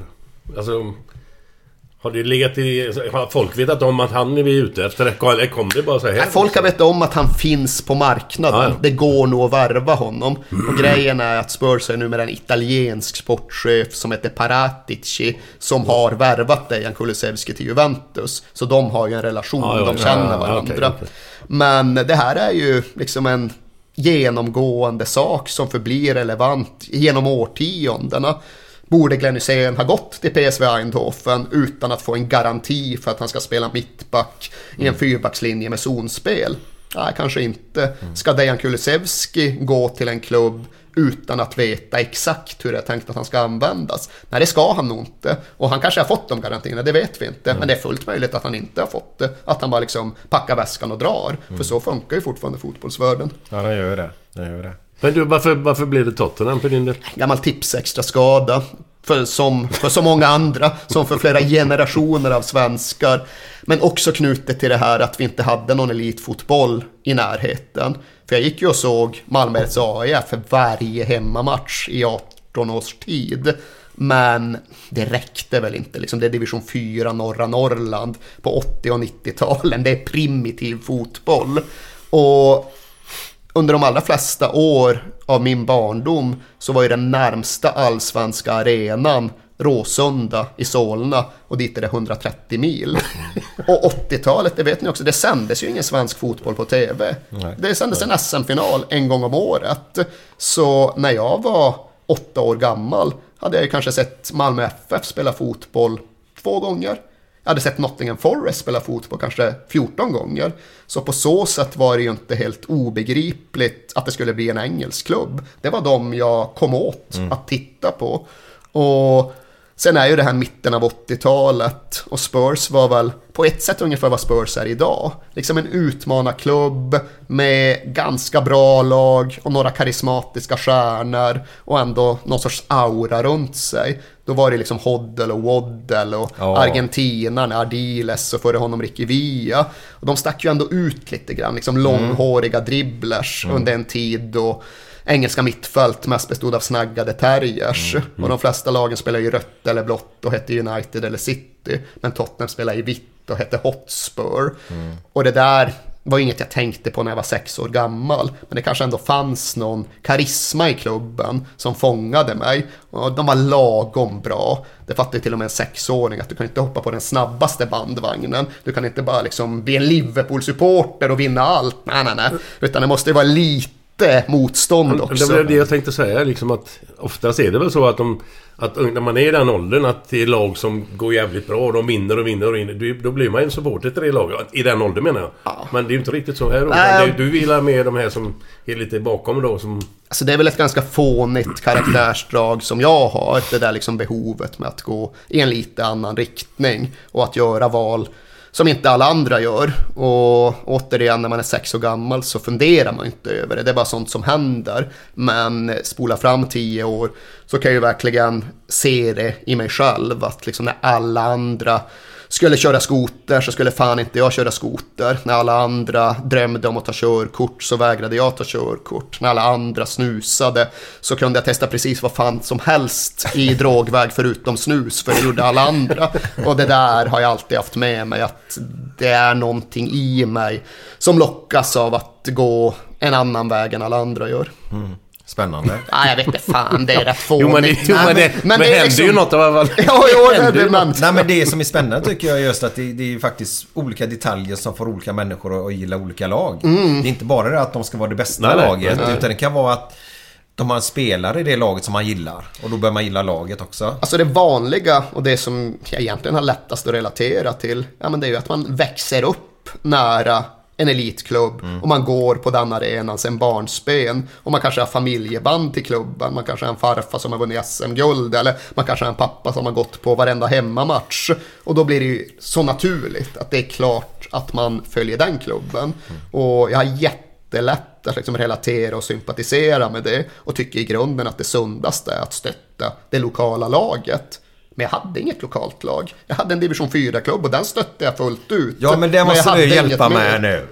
Flaggan du har satt upp med Judas. Jänkenpä. Kan, kan du hjälpa med nu? Vad är, vad är, vad är det? Alltså, det Vad är, här... vad är det ni pratar om nu? Ja, nu Ja, vi pratar se. vi om just ett sånt här derby mellan Malmbergets AIF och Gällivare SK när jag är i de sena tonåren. Jag tror faktiskt till och med att jag flyttar hemifrån och återvänder hem över ett sommarlov. Och så är det derbyt. Och vid det laget så är det ju mina generationskamrater och mina gamla polare och lagkamrater som spelar för båda de här lagen.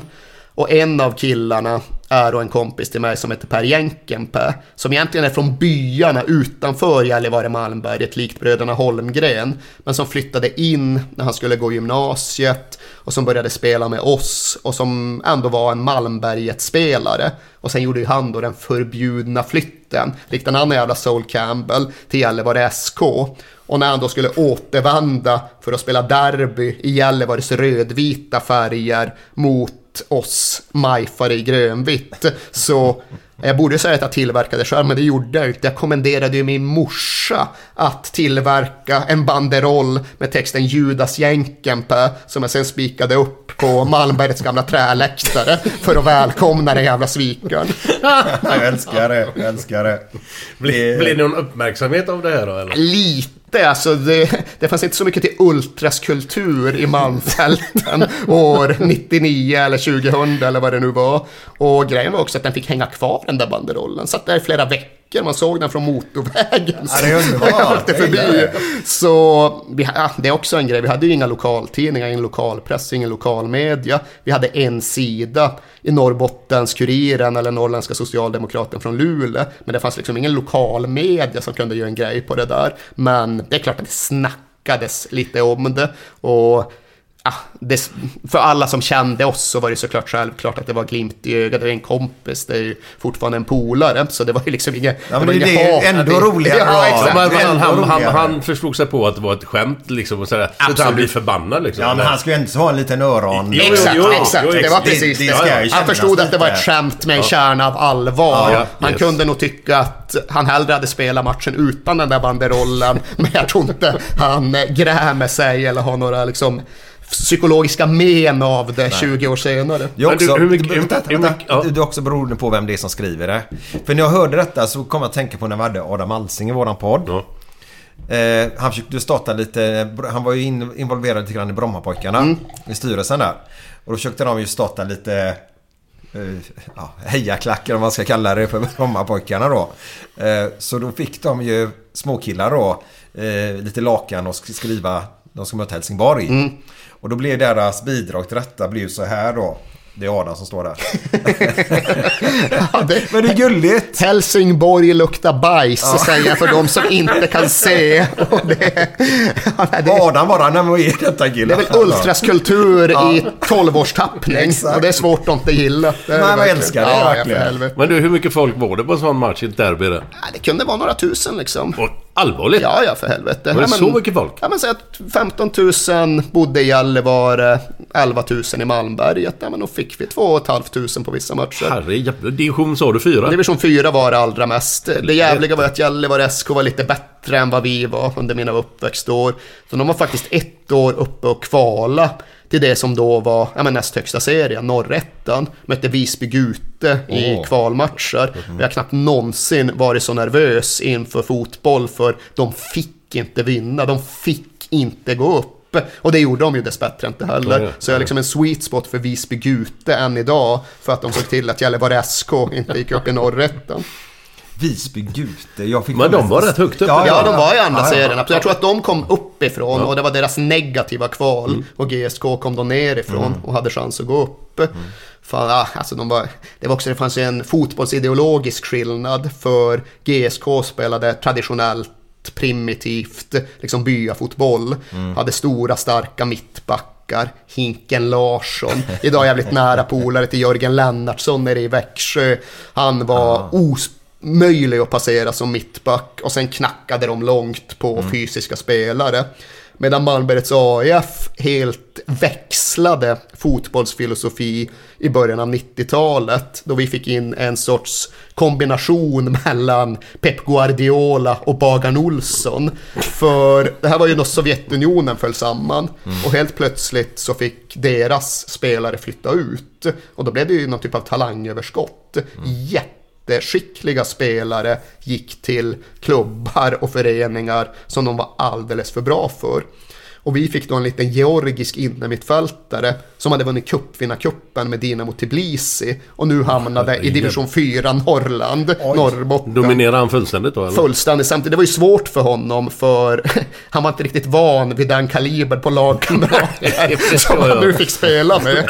Men han var ju en snidare, liksom en kortpassningsspelare. Det skulle liksom eh, spelas vägg och det skulle sys ihop trianglar. Och han gick ju då från att vara spelare till att sen bli spelande tränare och därefter enbart bli tränare. Han blev kvar i Malmfälten i många år. Och han fick ju då Malmbergs AIF och spela en helt annan typ av fotboll. Så vi blev ju ett finsnickrargäng där uppe i Malmfältsfotbollen. Och gjorde just krocken mot GSK och deras brottarfotboll ännu mycket tydligare. Men gick det vägen då? Gick det bra eller? Alltså de var ju alltid ett nummer större. Det är ju den Men jag sorgliga tänkte med den sanningen. fotbollen som, som blev skillnaden, eller som spelar mer teknisk fotboll plötsligt. Det Alltså, funkar det då? eller? Ja, det tog ju sitt tag och det blev ju ingen storslagen framgång. Det var inte så att vi liksom slottrade oss upp genom divisionerna och knackade på någon allsvensk dörr. Men det som framförallt hände, det var ju att en hel generation av oss fick upp ögonen för en annan typ av fotboll. Ja, det går att spela så här också. Okej, det är det här innebär att spela fotboll snarare än att kriga fotboll. Och det var en ögonöppnare för alla de som fick spela med och under Saur. Men även för oss som främst tittade på. Att det gav en liksom, typ av spelförståelse och en fotbollsutbildning som vi annars inte hade fått. Och det var väl framgången egentligen. Mm. Har du någon eh, svensk favoritspelare?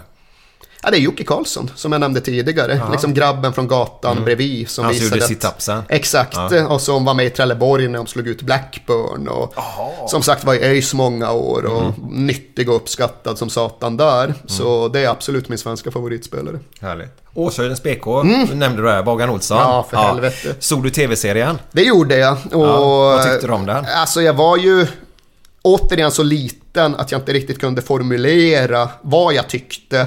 Men jag blev ju besviken.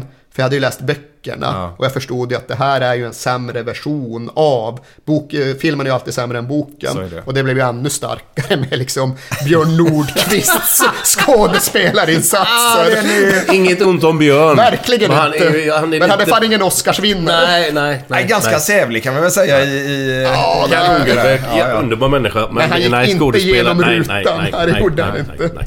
Men nej, för mig är det liksom böckerna solklar etta. Sen liksom serietidningsadaptionen i Buster, väldigt tight två. Alltså det Mm. är ändå de serierna, jävlar vad jag upprepade och fastnade i dem. Mm. Men sen då tv-serierna, det är utom tävlan, får inte ens en bronsplats. utan, Fan, nu tänker jag på en annan film också då. Fimpen, har du sett den? Ja, jag har ju sett det, men det är före min tid. Jag fick liksom aldrig någon relation till det. Nej. Men nu befinner ju ni er i Gröndal i Stockholm. Och här bara två kvarter bort finns en av Gröndals höjder. Och uppe på den höjden, på en innergård, så finns det alltjämt en liten grusplan. Det är fortfarande en grusplan. Och där spelades många av fotbollsscenerna i Fimpen in. Nej. Så när det kommer ja, men någon som eventuellt vill göra någon typ av personporträtt på mig, för har ni någon fotbollsmiljö i grannskapet? Så går du dit? Då går jag dit Nej, varje vad gång. fint. Ja. Är det någon som är där och spelar någonting? Ja, barn och sådär? alltså det är eller? en liten plan så det är Ja, inte så ja, att ja. du spelar eh, liksom, nej, men- organiserad fotboll. Är det någon som är där ja, med boll alltså, och sådär, Grabbarna eller? som bor där Ja, är ja. där och kickar, Ja. absolut. Grabbarna och tjejerna. Sen har vi även lokala klubben Gröndals IK med en nästan fullstor plan här under motorvägen, under Essingeleden. Och de var ett tag slagkraftiga i det som då var superettan. Men det var typ som någon farmaklubb till Hammarby som Aha. typ Frej från Täby är nu. Och befattade du dig med Hammarby på den tiden så ledde det ju alltid till ekonomisk ruin. Det var lite som Gais på 90-talet liksom. Att tog du i det så fick du, då försvann pengarna från kontot. Så då försvann Gröndal som elitförening. Men några riktigt bra spelare, han ändå så här, Nabil Bahoui var i Gröndal ett tag, Broa Nouri var i Gröndal ett tag. Men nu är det tillbaka som bara breddförening och mest bara ungdomsfotboll. Och grabben min spelar där, så det är kul. Ja men det är bra. Man ska, man, man, man ska spela fotboll där man bor. Exakt. Men det Årshöjden, var det med de här Hitte-Joel och gubbar? Ja, ja, ja. Ja, ja, ja. Det var massa konstiga namn på, Ja, på ja, ja. spelarna. Hitte var målvakten. Ja, ja, ja. Och där är det ju också vissa så här grejer som kanske inte har åldrats så väl och som det hade blivit diskussion kring idag. För Hitte-Joel var ju då, som det stod i böckerna, tattare. Ja. Han Ja, kom ju han från... var inte ren. liksom. Exakt, och hade då någonstans blivit räddad av Bagan Olsson från det här orena livet på bergssidan med Ruben Svarte och Kniven Jönsson och allt vad fan de hette. Kniven Jönsson. Lillen Jönsson var väl snabb ytter, lillebrorsa till Kniven Jönsson. Men, men du, du som är journalist och... Eh, får, jag säga beläst? Kan man säga det? Nej, det vette fan, inte längre. Nej.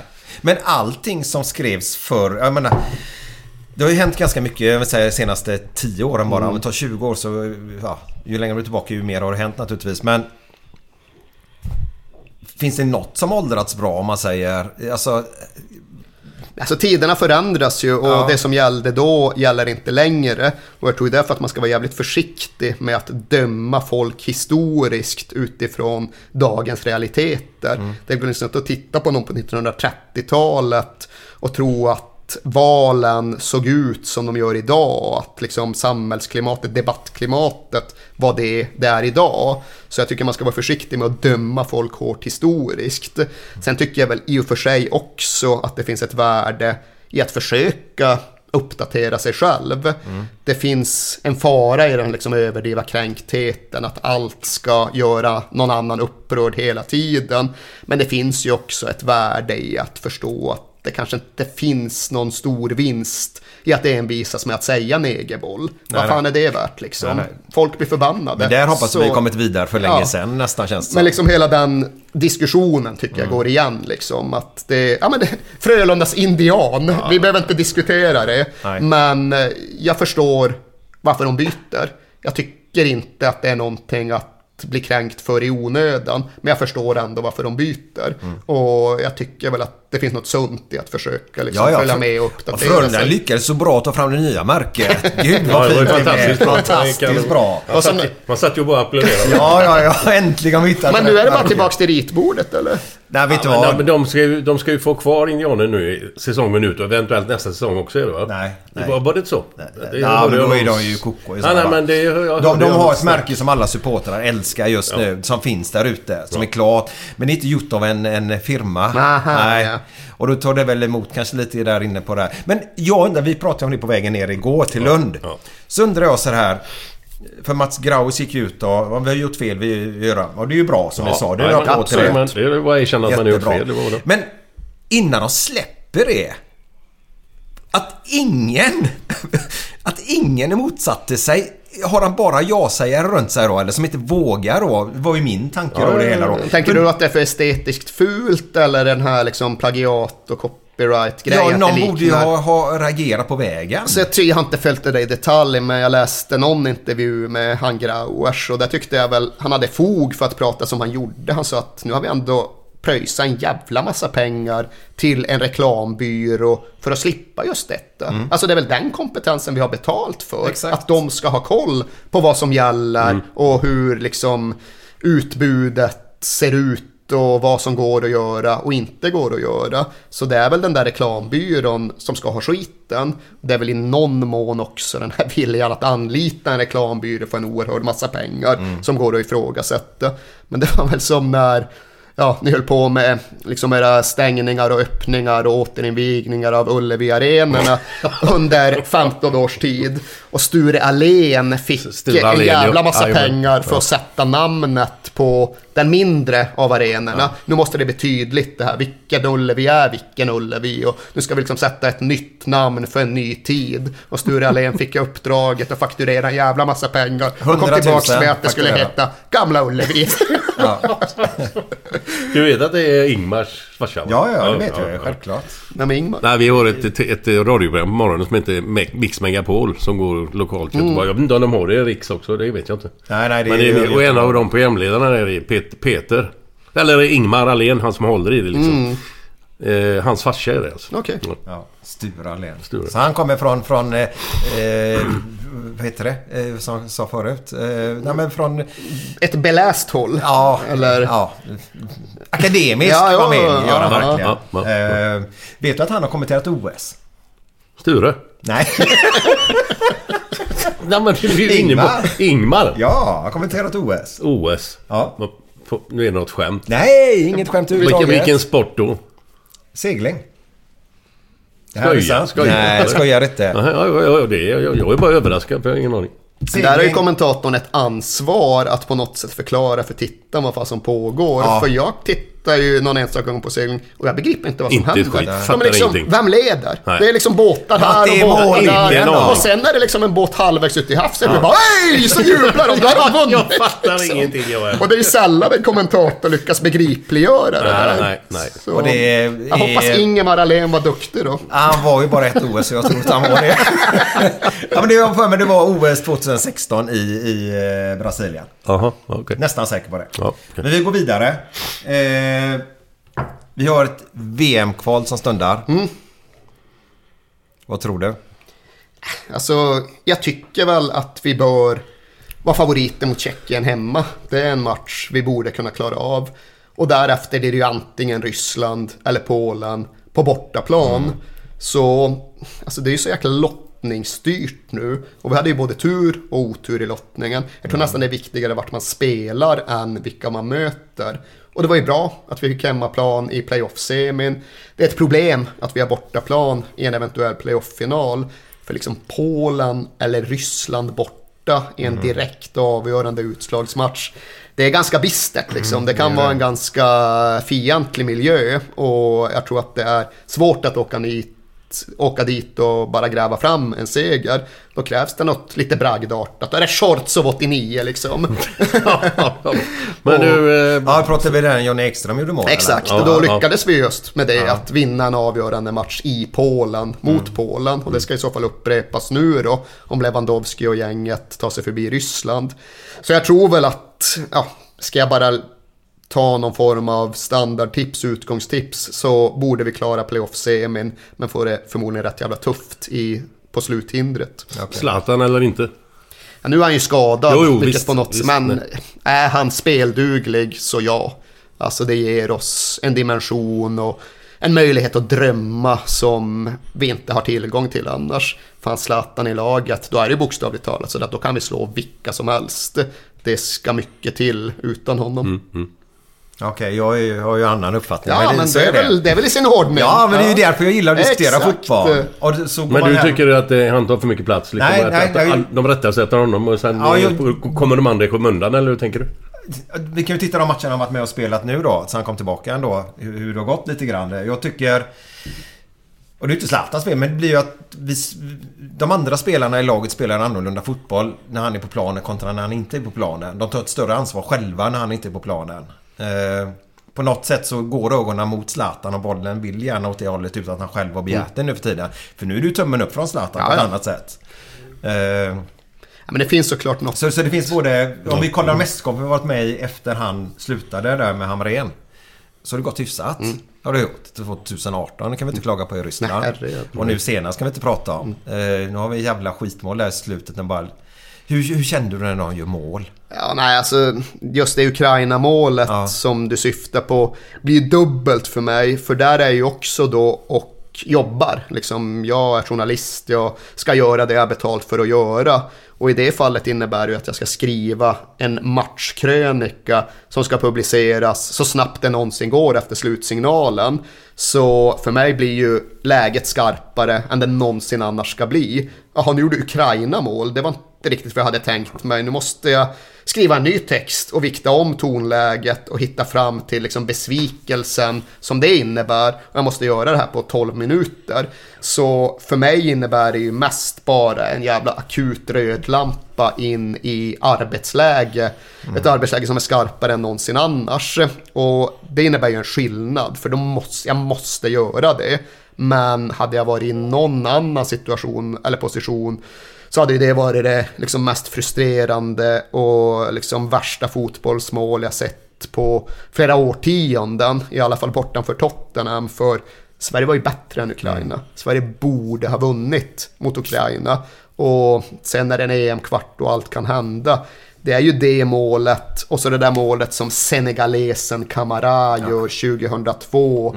Samt straffarna mot Holland 2004 som känns sådär bara ah, Fan, hade det bara gått annorlunda hade det kunnat bli en 94-sommar här. Ja, ja, ja. Och Ja, ja. det är väl de tre tillfällena som är de stora landslagsbesvikelserna under 2000-talet. Anders Svenssons stolpskott där. Ja, exakt. Ja. Som sen då följs med Kamaras felträff Ja. och Magnus Hedman som har tyngden på fel ja. ben och sådär. Så. Mycket små detaljer som gör Ja, att det är blir ju som det. blir. När man väl Ja, kommer yes, dit till en yes. förlängning i ett mästerskap, Då, då är det ju verkligen det. Vil- Vilken fotboll i, i världen tycker du är, eh, spelas roligast? Roligast är ju ett sånt jävla brett och personligt begrepp. Och för mig är ju bara liksom fotbollen på planen en del av upplevelsen. Det är lika mycket läktarna och arenan och folket och staden och liksom den typen av helhetspaket.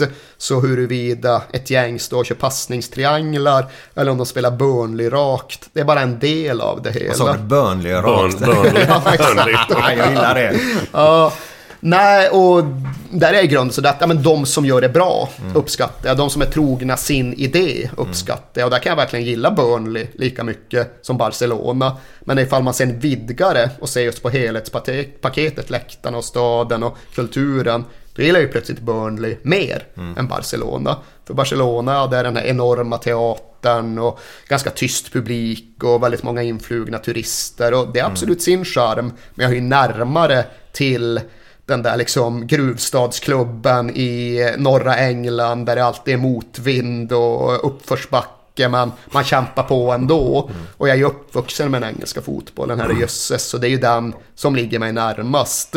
Sen finns det även här liksom någon sorts skillnad på det jag känner och det jag tänker i mitt huvud. För ifall jag väger ihop allting så tycker jag väl att den tyska fotbollen är den som fungerar bäst i världen. Där har man liksom fattat det här med att man måste kombinera tradition med modernitet. Och de har kvar ståplats och billiga biljetter. Och det är folkfest, det är familjeföreställning varje vecka. Och de lokala klubbarna betyder enormt. Det är inte så att hela Tyskland bara håller på FC Bayern och Borussia Dortmund. Utan kommer man till Bochum eller till Duisburg eller till Essen. Då är det den klubben som gäller. Och så är det ju i hög utsträckning även i England. Men där är ju hela liksom Premier League-monstret slukat ganska mycket av folkets fotboll. Ja, de gör det. Så det är ju att jag känner instinktivt mest för England, men jag tycker att Tyskland är liksom den bäst fungerande ligan och fotbollskulturen i världen nu. Såg du eh, Afrikanska mästerskapen, finalen? Ja, alltså Glimta såg inte hela matchen. Eh, Som det ofta är. Oh, nu blir det förlängning. Då blir det spännande. Då slår man på liksom. Ja, ja, ja. ja. Men, men alltså jag tänkte på... på eh, vi har ju snackat om det tidigare. Det här med jävla filmningarna som är hela jävla tiden. Alltså, jag blir skogstokig alltså. Och så vet de om att det är VAR och det, du, kan liksom, du ser ju detta 38 000 gånger i reprisen. Hur kan man ligga och filma och rulla 83 varv? Ja, man trodde Men ut med han då i 10 minuter. Ja, man trodde någonstans att det skulle vara en av uppsidorna med VAR och alla kameror och alla repriser. Ja, men då blir det liksom socialt omöjligt att hålla på så där. För repriserna kommer avslöja dem och de kommer bli straffade och de kommer bli utskrattade. Men det hjälper ju tydligen inte. Nej. De- De är liksom... Vi diskuterar ju det lite grann också. Fan, släng ut dem i 10 minuter då. För att spela med en man sitter mindre. deras ryggrad på något sätt om man säger att... Ja, nu har det ju blivit så. Liksom, nu är det ju så att fan 11-åringar tränar ju på att filma. Nu, är liksom det, ja, nu anses det vara en del av spelet och det får man med sig från barnsben. Så nu är det väl jävligt svårt Men det är ju så, stävja. barn gör ju vad vi vuxna gör. Ja, ja, inte, ja. inte vad vi säger. Nej, men de har ju tittat på Neymar och Neymar har före honom tittat på, fan vet jag om Careca filmade, men liksom någon Ah. Av dem. Det är inte så lite lika mycket. Nej men det här kommer ju från din eh, då nu Ja. Fiorentina på den Ja, tiden. ja, ja. Alltså italienare och italiensk fotboll har ju alltid varit kända för sina filmningar då. ja, och en gång i tiden var det berättigat och nu kan jag väl tycka att det är lite oförtjänt. Nu är man kvar i gamla fördomar ifall man tycker italienare filmar så väldigt mycket mer än engelsmännen liksom. Det var nog så en gång i tiden, men nu är det fan nästan lika illa över hela jävla linjen. Sen är det kanske lite mer demonstrativt och cyniskt i Afrika eller Sydamerika. Där liksom, ja, Luis Suarez, alltså han är ju på många sätt ett fenomen men eh, också ganska outhärdlig. Men han gör ju det till en konstform liksom. Man ser ja, när han fäller sig själv och liksom Ja, nej. när han någon ska målvakten utvisa för att han har tagit med handen säger jag. Han är målvakt. och, ja det är väl, det är väl Men, delvis men något är det inte lite grann så fortfarande? Är det, eller är det bara jag som är sån eh, engelsk... Jag älskar ju engelsk fotboll. Med att det är lite mer rent. Men brittiska spelare generellt sett ligger bättre att vrida sig om inte de har fått en smäll. De ligger väl kanske inte kvar Nu är det ju så mycket lika utländska länge. spelare i engelska Ja. ligan. Men, men liksom... Men alltså, jag tror kanske inte de ligger kvar lika länge, men de dyker ju lika mycket. Ja, de gör det. Ja, vad fan alltså, jag älskade ju det lag som vi hade i Spurs under Pochettino. Men, alltså, Harry Kane känner ju av en kontakt i offensivt straffområde. Okej. Dele Alli känner av en kontakt i offensivt straffområde. Steven Gerrard gjorde också det. Även när han var blood and thunder på alla andra sätt så kände han en kontakt och touchen blev lite lång så la han sig i offensivt Men det har straffområde. jag aldrig tänkt på. Inte just med honom, men med, med britter överhuvudtaget. Oh, liksom. men det gjorde han. Det Aha, gjorde han absolut. aha, aha. Och sen är de, på ett sätt kan det ibland märkas lite tydligare för de är sämre på det. Det är inte lika naturligt lika för dem. det blir lite klumpigt, faktiskt, faktiskt. Men eh, jag tror det finns nog ändå en skillnad just i att de rullar inte 19 varv. Utan de vill ha den där Nej, straffen. exakt. Men får de inte straffen, ja då Nej, borstar då- de av sig. ja, och, ja. ja. Så det blir inte den, de filmar fast de gör det snabbt. Ja, man säger så. de, de ger ett kvar. försök, Ja. de är ganska dåliga på det, de har det inte riktigt naturligt. men det vad fan. ligger en gubbe på mittplan och fått en smäll liksom, så ligger han och kikar vad händer i spelet. Och så ligger han och vrider sig. Ska inte en sån ut bara? Inte hela matchen, men ta ut den en kvart då. Ja, det var ju som Ciro Immobile här i EM Ja. i somras med Italien. Exakt. När Italien gjorde ett mål samtidigt som han just låg och vred sig. Och sen insåg okej mål, kika upp. Jaha, ja men då får jag väl knalla upp och fira då. Och det förtog ju för många en stor del av charmen med Ja. vad som ändå var ett jävligt Liksom, ett italienskt landslag som var väldigt lätt att gilla. Mancinis gäng, de körde ju på Mm. ja, liksom. ja. Men sen kom en sån där grej och det, det skär ju sig. Har pratat om den situationen. Vi glömmer alltid om hans namn i den podden. Men vi har pratat om den situationen flera gånger och dömt ut den verkligen. Mm. Men det är ju lite spännande med Italien för de kan ju lika väl åka ut i kvalet ju. De Ja, ja. ju- får ju troligtvis Portugal sista matchen. Och då har de missat två VM på raken. Och, i, Och ett EM-guld emellan. Ja, exakt. Ja, det är helt sinnessjukt ju. Himmel och helvete Ja. Och lilla fotboll. Sverige utan Zlatan slog ut dem. Ja, nej det var... Ja, vilket Och där gick ju minne. hans karriär åt skogen också. Blåvitt-spelaren. Han drog Jakob korsband- Johansson. Ja, Jakob ja. Ja. Ja, Det går bra för honom va? Han har någon civil karriär på gång tror jag. Jaha. ja, men smart kille Ja, och okej. ambitiös kille. Så tror han har redan hunnit ganska långt i liksom en utbildning till ett nytt liv. Ja, men det är bra. Ja, det har inte med fotboll att göra alltså. Nej, det uppfattar jag nej, inte som. nej. Nej, det kan väl vara bra att släppa identiteten fotbollsspelare också.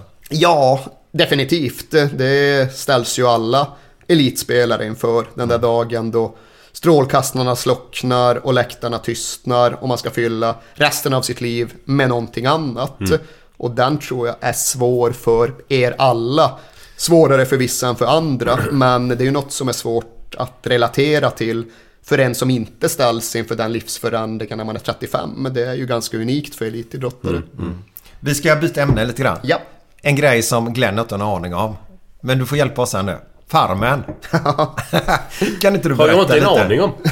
Ja, men det här har du inte en aning om. Att han har varit med i Farmen? Ja, men det har vi ju sagt till dig. Ja, ja innan dess visste jag inte om det. Nej, nej, nej, nej, nej. Jag tänkte säga att det här kan Glenn mer än eh, sina egna matcher i Fiorentina 88.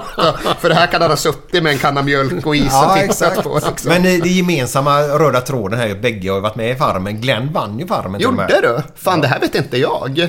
När fan var du med Vad där? är det? Sex, sju år sedan? Nej, det är det inte. Är det fem år sedan?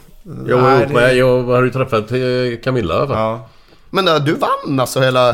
Vadå, ja, för att du är bra på att odla eller för att du är bra på att integrera? Nej, nej, men jag, alltså, jag vet inte varför. Men jag- 17 var det nog fem år sedan. Under, de, under den tiden jag var där. Så jag, jag visste ju vad allting gick ut på. Jag menar Camilla Hedemark var med. Hon låg på eh, kökssoffan efter en dag. Jag orkar inte, vi får ingen mat. Nej men du har ju för fan skrivit på ett kontrakt. Så här är det en vecka. Det blir morötter och grönsaker. Finns inga höns, finns inga ägg att käka, finns ingenting. Ja, men du har skrivit på det och du får pengar för det. Och då får du för fan kämpa då. Det jag gjorde var att kämpa och kriga. Inget annat. Jag var ju helt oteknisk. Men jag högg ved med enda jävla dag. Fan, 300-400 trä. Det gjorde inte Camilla Henemark. Nej, det gjorde hon inte. Fy fan vilken jävla soprot. Men det var många andra som var goa. Ja, Ola-Conny från Ullared, han var ju med. Fy fan vilken underbar gubbe. jag kan tänka mig att Patrik Sjöberg. ni går ihop. Ja, för fan. Ja, fan, Ja, Patrik men- Sjöberg måste väl känna sen många år tillbaka. Ja, ja, ja. Han är ju jävligt speciell. Ja, det är ju min bild. Jag känner honom inte själv, men... Har får han för sig att han inte gillar någon, det då visar han det. Ja, så vad fan, nu tycks han ju vara ute och bilda någon märklig typ av medborgargarden Yes, och liksom yes. jaga pedofiler på eget jajamän, initiativ. Och det tycker väl inte jag är en riktigt samhälleligt framkomlig väg, men... Det blir lite för mycket liksom. Nej men det är alltså... När barn far illa. När dessa då männen då ska träffa unga tjejer i 13-årsåldern. De vet om att hon ska vara 13 år. Och ska alltså... Så känner jag att samhället... Det, det finns inte där för dessa ungdomarna då. Och då har de ju stått den här 242 eller vad heter det? Ja, något sånt. Ja. Ja, är jag, jag säger inte att det är rätt eller fel. Ja, Jag förstår instinkten, det gör ju varje vettig människa. Att det är klart att jag förstår instinkten att välja liksom skydda de svagaste och slå ifrån när samhället inte räcker till. Men det går liksom inte bara att ja, men ställa sig vid sidan av rättsstaten och liksom driva en egen agenda med våldskapital. Liksom är det dit vi ska så är vi på en jävligt dålig plats ganska Dit ska vi snabbt. absolut inte. Självklart. Eh, Men, men, men, när, när du var med, Mm. hur, hur, hur, hur gick det till liksom? Hur, hur kom du med? Vill du ha den alltså- långa eller den korta versionen? Nej, det kan vara lång, det spelar ingen roll. Ja, Okej, nej, men då var det så här att jag bodde i Umeå i slutet av 1990-talet och det var å ena sidan en ganska samhällsengagerad och aktivistisk miljö. Jag hade liksom mycket politiskt engagemang runt mig. Men samtidigt var det studentliv och slappt och 800 bärs fyra gånger i veckan. Och det där innebar att jag liksom kunde sitta en tisdagkväll med väldigt politiskt engagerade människor och dricka 18 öl och titta på dum-tv. Och i den krocken så föddes det någonstans en tanke att fan de här dokusåporna som nu har kommit, för det var ju nytt. Robinson hade pågått i två år och de andra hade precis börjat uppstå.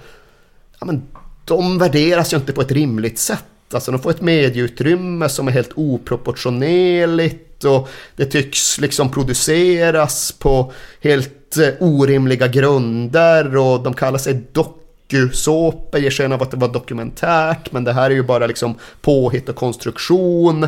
Och återigen, det här är mer än 20 år sedan så det som idag är självklart var inte riktigt självklart då. Då fanns det en helt annan diskussion om vad dokusåpor egentligen var för någonting och vilket utrymme det fick i media och vilken liksom, plats det tog från annat. Så där någonstans föddes det ja, men en fylleidé att fan, vi borde göra någon form av aktion här. Någon form av eh, liksom, fysiskt debattinlägg där vi skickar in en skådespelare från våra led för att någonstans slå hål på hela den här konstiga bubblan och sen ta en massa medialt utrymme och därefter bara vända och säga att vad fan allt det här var bara en bluff. Hur kan vi få allt det här utrymmet? Hur kan vi få tv-tid? Nu måste alla fundera igenom vad vi håller på med och hur vi värderar saken i den mediala offentligheten. Och det var någonstans idén. Och den första idén var då att vi skulle dra lott gemensamt om vem som skulle spela det som då i Umeå var känt som en straight edge kille. Det här är en 90-talsgrej men det var en stor grej där vi bodde i Umeå med militanta veganer och så kallade straight edge människor som då ägnade sig åt nykterism på politiska grunder. Vi ska inte förgifta oss själva, vi ska inte berusa oss själva för att tappa vi skärpan och blicken på hur samhället försöker exploatera oss. Och det var ju inte riktigt vi. Vi var inte straight edge, vi var inte nykterister på politiska grunder, men vi kände till den subkulturen. Och från början var tanken att vi skulle skicka in en skådespelare från oss i en dokusåpa som heter Baren. Som Ja. precis hade Ja, börjat just gå. det, ja. Ja, det var liksom en dokusåpa som utspelar sig i någon krogmiljö i Gamla stan. Och Mm. det gick väl inte ut på någonting. Det var bara folk som skulle supa i en bar. Ja, liksom. Fick man söka dit då, eller? Hur Då fick man söka Ja. dit. Så då drog vi lott. Och jag fick det korta strået. Och än idag så tror jag väl kanske att den lottningen var uppgjord. Men nu blev det som det blev. Så jag sökte till baren under svepskälet, under täckmanteln att jag var straight edge, nykterist på politiska grunder och militant vegan som ville elda upp köttbilar. Och vi tänkte att fan det här kommer de ju svälja hela vägen. Så jag var på uttagning och fick ju komma till så auditions och slutintervjuer. Men till min egen förvåning så kom jag sen inte med Eh, när den sista gallringen gjordes. Så bara ah, okej, men ja, ja, det var det liksom. Det var en kul konstig grej, men nu tänker vi inte mer på den saken. Men sen ringde då folk från det här produktionsbolaget Strix sådär ett halvår senare. Ja, vi minns ju dig från den här baren-grejen. Ja. ja, du är fortfarande liksom politisk nykterist. Eh, ja, ja, för helvete liksom. Bränna köttbilar, ner med skiten liksom. Ja, men då har vi ett nytt format för dig som heter Farmen. Och det går då ut på det här bondgård, hela den där prylen som ni kan. Skulle du kunna tänka dig att Ja, du, jag får fundera ett tag, men ja, sen när jag snackade med polarna var det väl tisdag och så kommer bärsen fram igen och då låg det närmare till hands och bara ja, ja, vad fan. Tis på det tisdag. Ja, det var alltid utgång på tisdagar i Umeå. Blå i Umeå på tisdagar. Där måste du ha varit. I Umeå ja. Ja, på blå. Nej, ja, det vet jag inte. Nattklubben. Blå gick Ingen man på tisdagar. Men bestämde oss i alla fall på, okej vi kör väl på det då. Så då åkte jag dit igen och gjorde bara så tjena tjena och sen var jag med i Farmen. Åkte då dit och ja, men skulle spela teater, skulle spela en roll, skulle vara den här liksom politiska nykteristen, vilket var lite mindre relevant när det inte längre var baren. Däremot skulle jag vara den militanta veganen som ville bränna köttbilar fullt ut. Och det var ju den rollen jag spelade. Och så var det ju hela tiden då en medvetenhet och en poäng kring att jag gled runt där i läderskor och lammullströjor och skulle efteråt kunna visa på att vad fan, varför kollar ingen där? Varför synar ingen bluffen? Jag knallar runt i läderskor och säger att ingen ska utnyttja djur och bla bla bla, bla bla bla. Och sen var ju också det vi hade sagt gemensamt att vem som än gör det här var max med i två, tre veckor för det här ska inte liksom vara någonting som sen finns kvar resten av livet. Man gjorde det där, liksom var med, spelade teater, gjorde inspelningen, åkte hem och sen när programmet började sändas på hösten så gick jag ju då ut medialt samtidigt som jag försvann ur programmet och sa att det här har vi gjort, därför har vi gjort det. Vi tycker dokusåpor är skit, liksom det är bara bluff, ni kallar det för dokumentärt, svenska folket måste förstå, oj oj vilket utrymme får det i medierna, vad håller vi på med? Gjorde liksom debattartiklar och debattprogram och ställde upp i alla sammanhang så länge den säsongen pågick. Och därefter tyckte vi att okej, nu har vi sagt det och vad vi säger, nu har vi gjort för poäng, nu begraver vi det. Och sen pratade jag aldrig om det igen på 15-20 år Aha. och sen började det dyka upp igen i och med att eh, ja, men jag började göra den här typen av intervjuer. Och nu kan jag ju berätta ja, men hur det var för 20 år sedan. Ja. Men ja, det var, det var en knepig pryl. Hur, hur var det inne i huset där då? Nej, det var ju tråkigt. Liksom. Ja, det var det. Ja, alltså lång och jag, jag gillar inte att hugga ved som Glenn. Jag är väl med Camilla Henemark då liksom. Vi ligger på soffan och bara, bara få tiden att passera. Så det var mest att döda dagar, döda tid. Ja, det och typ- hände fan inte mycket. Nej, och fan, så hungrig var man. Då Ja. fick äta så här blad och grejer just för att man skulle spela vegan. Så när de andra kunde ha gröt med mjölk så skulle jag spela vegan och typ äta, Nej, just äta det, kryddor. Vem, liksom. vem var det som var bonden där som kom med traktorn? Var det han Götta eller? Ja, det var det väl. Nu är jag som du är kring din fotbollskarriär. Att det här kommer jag inte ihåg mycket av. Ja, men, Det var en som, han som var med oss som hette Götta, men sen har det ju varit en annan som heter Vincent. men alltså vad hade den personen för roll? Det där Götte klingar Han någon kom ju med klocka, men- olika, man skulle göra olika jobb. Man skulle bygga det eller göra det eller Vi odla hade potatis typ inte det fan. inslaget. Nej, det så. hände fan inte mycket alls. Nej, nej, utan nej, det var nej. upp och sysselsätta sig själv. Så som jag minns det. De har nog förändrat under åren. Ja, säkert. exakt. De har väl skruvat på formatet. Ja. Men jag har ju noterat att det är tydligen någon jubileumsgrej eller något i år. Så nu repriserar de tydligen prylar från det som då var den allra första säsongen när jag var med. Så nu har det varit rätt mycket senaste Var det månaden. första säsongen du var? Ja, jajamän. Det var rätt mycket senaste månaden att ja, folk har tydligen sett det här och liksom kommenterar då det. Eh, Hur länge var du med? Nej, två, tre veckor liksom. Det var inte länge. Eh, men nej, det, uttråkad blev jag. Men det är framförallt sjukt att konstatera att det är mer än 20 år sedan. Det är fan inte klokt, men det här var 2001. Alltså det är mer än 20 år sedan.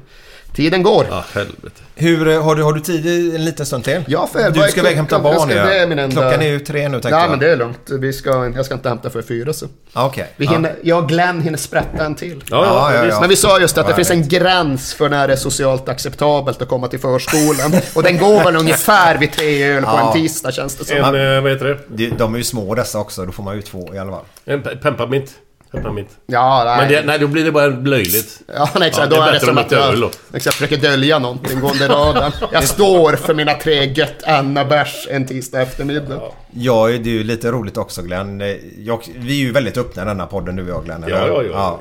Jag märker ju direkt när jag hämtar Glenn på morgonen vi ska iväg. Till exempel om vi skulle till Andreas Ravelli bland annat. Eh, Otroligt härlig människa. Mm, det kan jag tänka mig. Ja. Jag känner honom inte själv. Men... Otroligt härlig.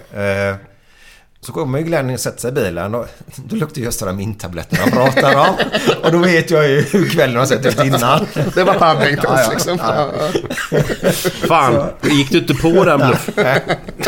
Jag kommer ihåg min morfar, han checkade alltid den där och eh, tappade ju namnet. Zigzag, zigzag. Av den anledningen ja. eller? Det vet jag ju inte men jag tror ju det nu Men det är de här efteråt. lilla plastburk, små plastburkarna eller? Nej det är ju tablettask. Zigzag. Jag tänker på Tic Tac. tänker Ja exakt. Det är något Zigzag. annat. Ja. eh, Röd eh, tablettask. Jag har inte sett dem på jättelänge nu men också lite åt det där minthållet till. Jättegoda är de. Mm. Mjuka när man tuggar på dem. Jag kom bara på en grej från, du snackade från början uppe i Malmberget. Hembränt.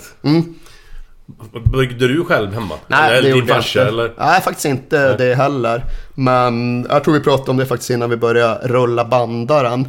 Men det jag sa då, det jag berättade då var ja, men det som var sant. Att vi började ju dricka helt orimligt tidigt. Liksom. Det var den alkoholkulturen. Så jag började ju dricka när jag var 12. Och då var det ju hembränt. Och det förblev hembränt genom hela tonåren så länge jag bodde i Malmberget. För det var mycket mer lättillgängligt Ja, än ja, bärs. ja. Liksom bärs, då behövde man ha någon som köpte ut från Systembolaget. Mm, Det kunde vara lite klurigt att hitta. Men hembränt, det fanns alltid en farsa eller en kusin eller en granne eller någon i fotbollslaget. Det var inte svårt att komma över. Ja, det var enklare än... eh, Väldigt mycket ja, så. Väldigt mycket ja, så. ja. Så det, jag är uppvuxen med, med Ja, nu slår väl han i. Nej, det gör han ju inte då. Men söndagar var det alltid nerrullat hemma. Vi bodde ju i trevåningshuslägenheter.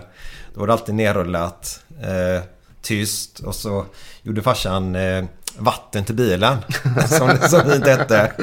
Så, eh, men det brände de under vintern för att ta under sommaren då. Och då var det alltid fest ute på Askim och han och Leif Kanebring. Då bjöd de alla Leif grannarna. Ja, ja, ja. Men det var brännvin också, det var inte så att de gjorde eget vin eller något sånt. Nej, nej, nej för fan. Nu snackar vi renat. hederligt Och så hembränt. köpte de ju sån här astrakter heter det va? Ja, ja, visst. Ja, då visst. blir det både whisky och gin och allt möjligt ju. Ja. Ja, men de var ändå lite sofistikerade. Ja, ja, liksom. ja. De hade ambitioner med sitt brännande. Ja. Men när det var sent på natten efter en sån här danskväll uppe på Askims dansbana. Då var du, då orkade de ju inte. Då var du i dunken istället. Eller uppe i groggarna med. Så det var härliga tider ändå. Annars en av mina favoritanekdoter när jag ska försöka förklara just mentaliteten som ändå råder där hemma.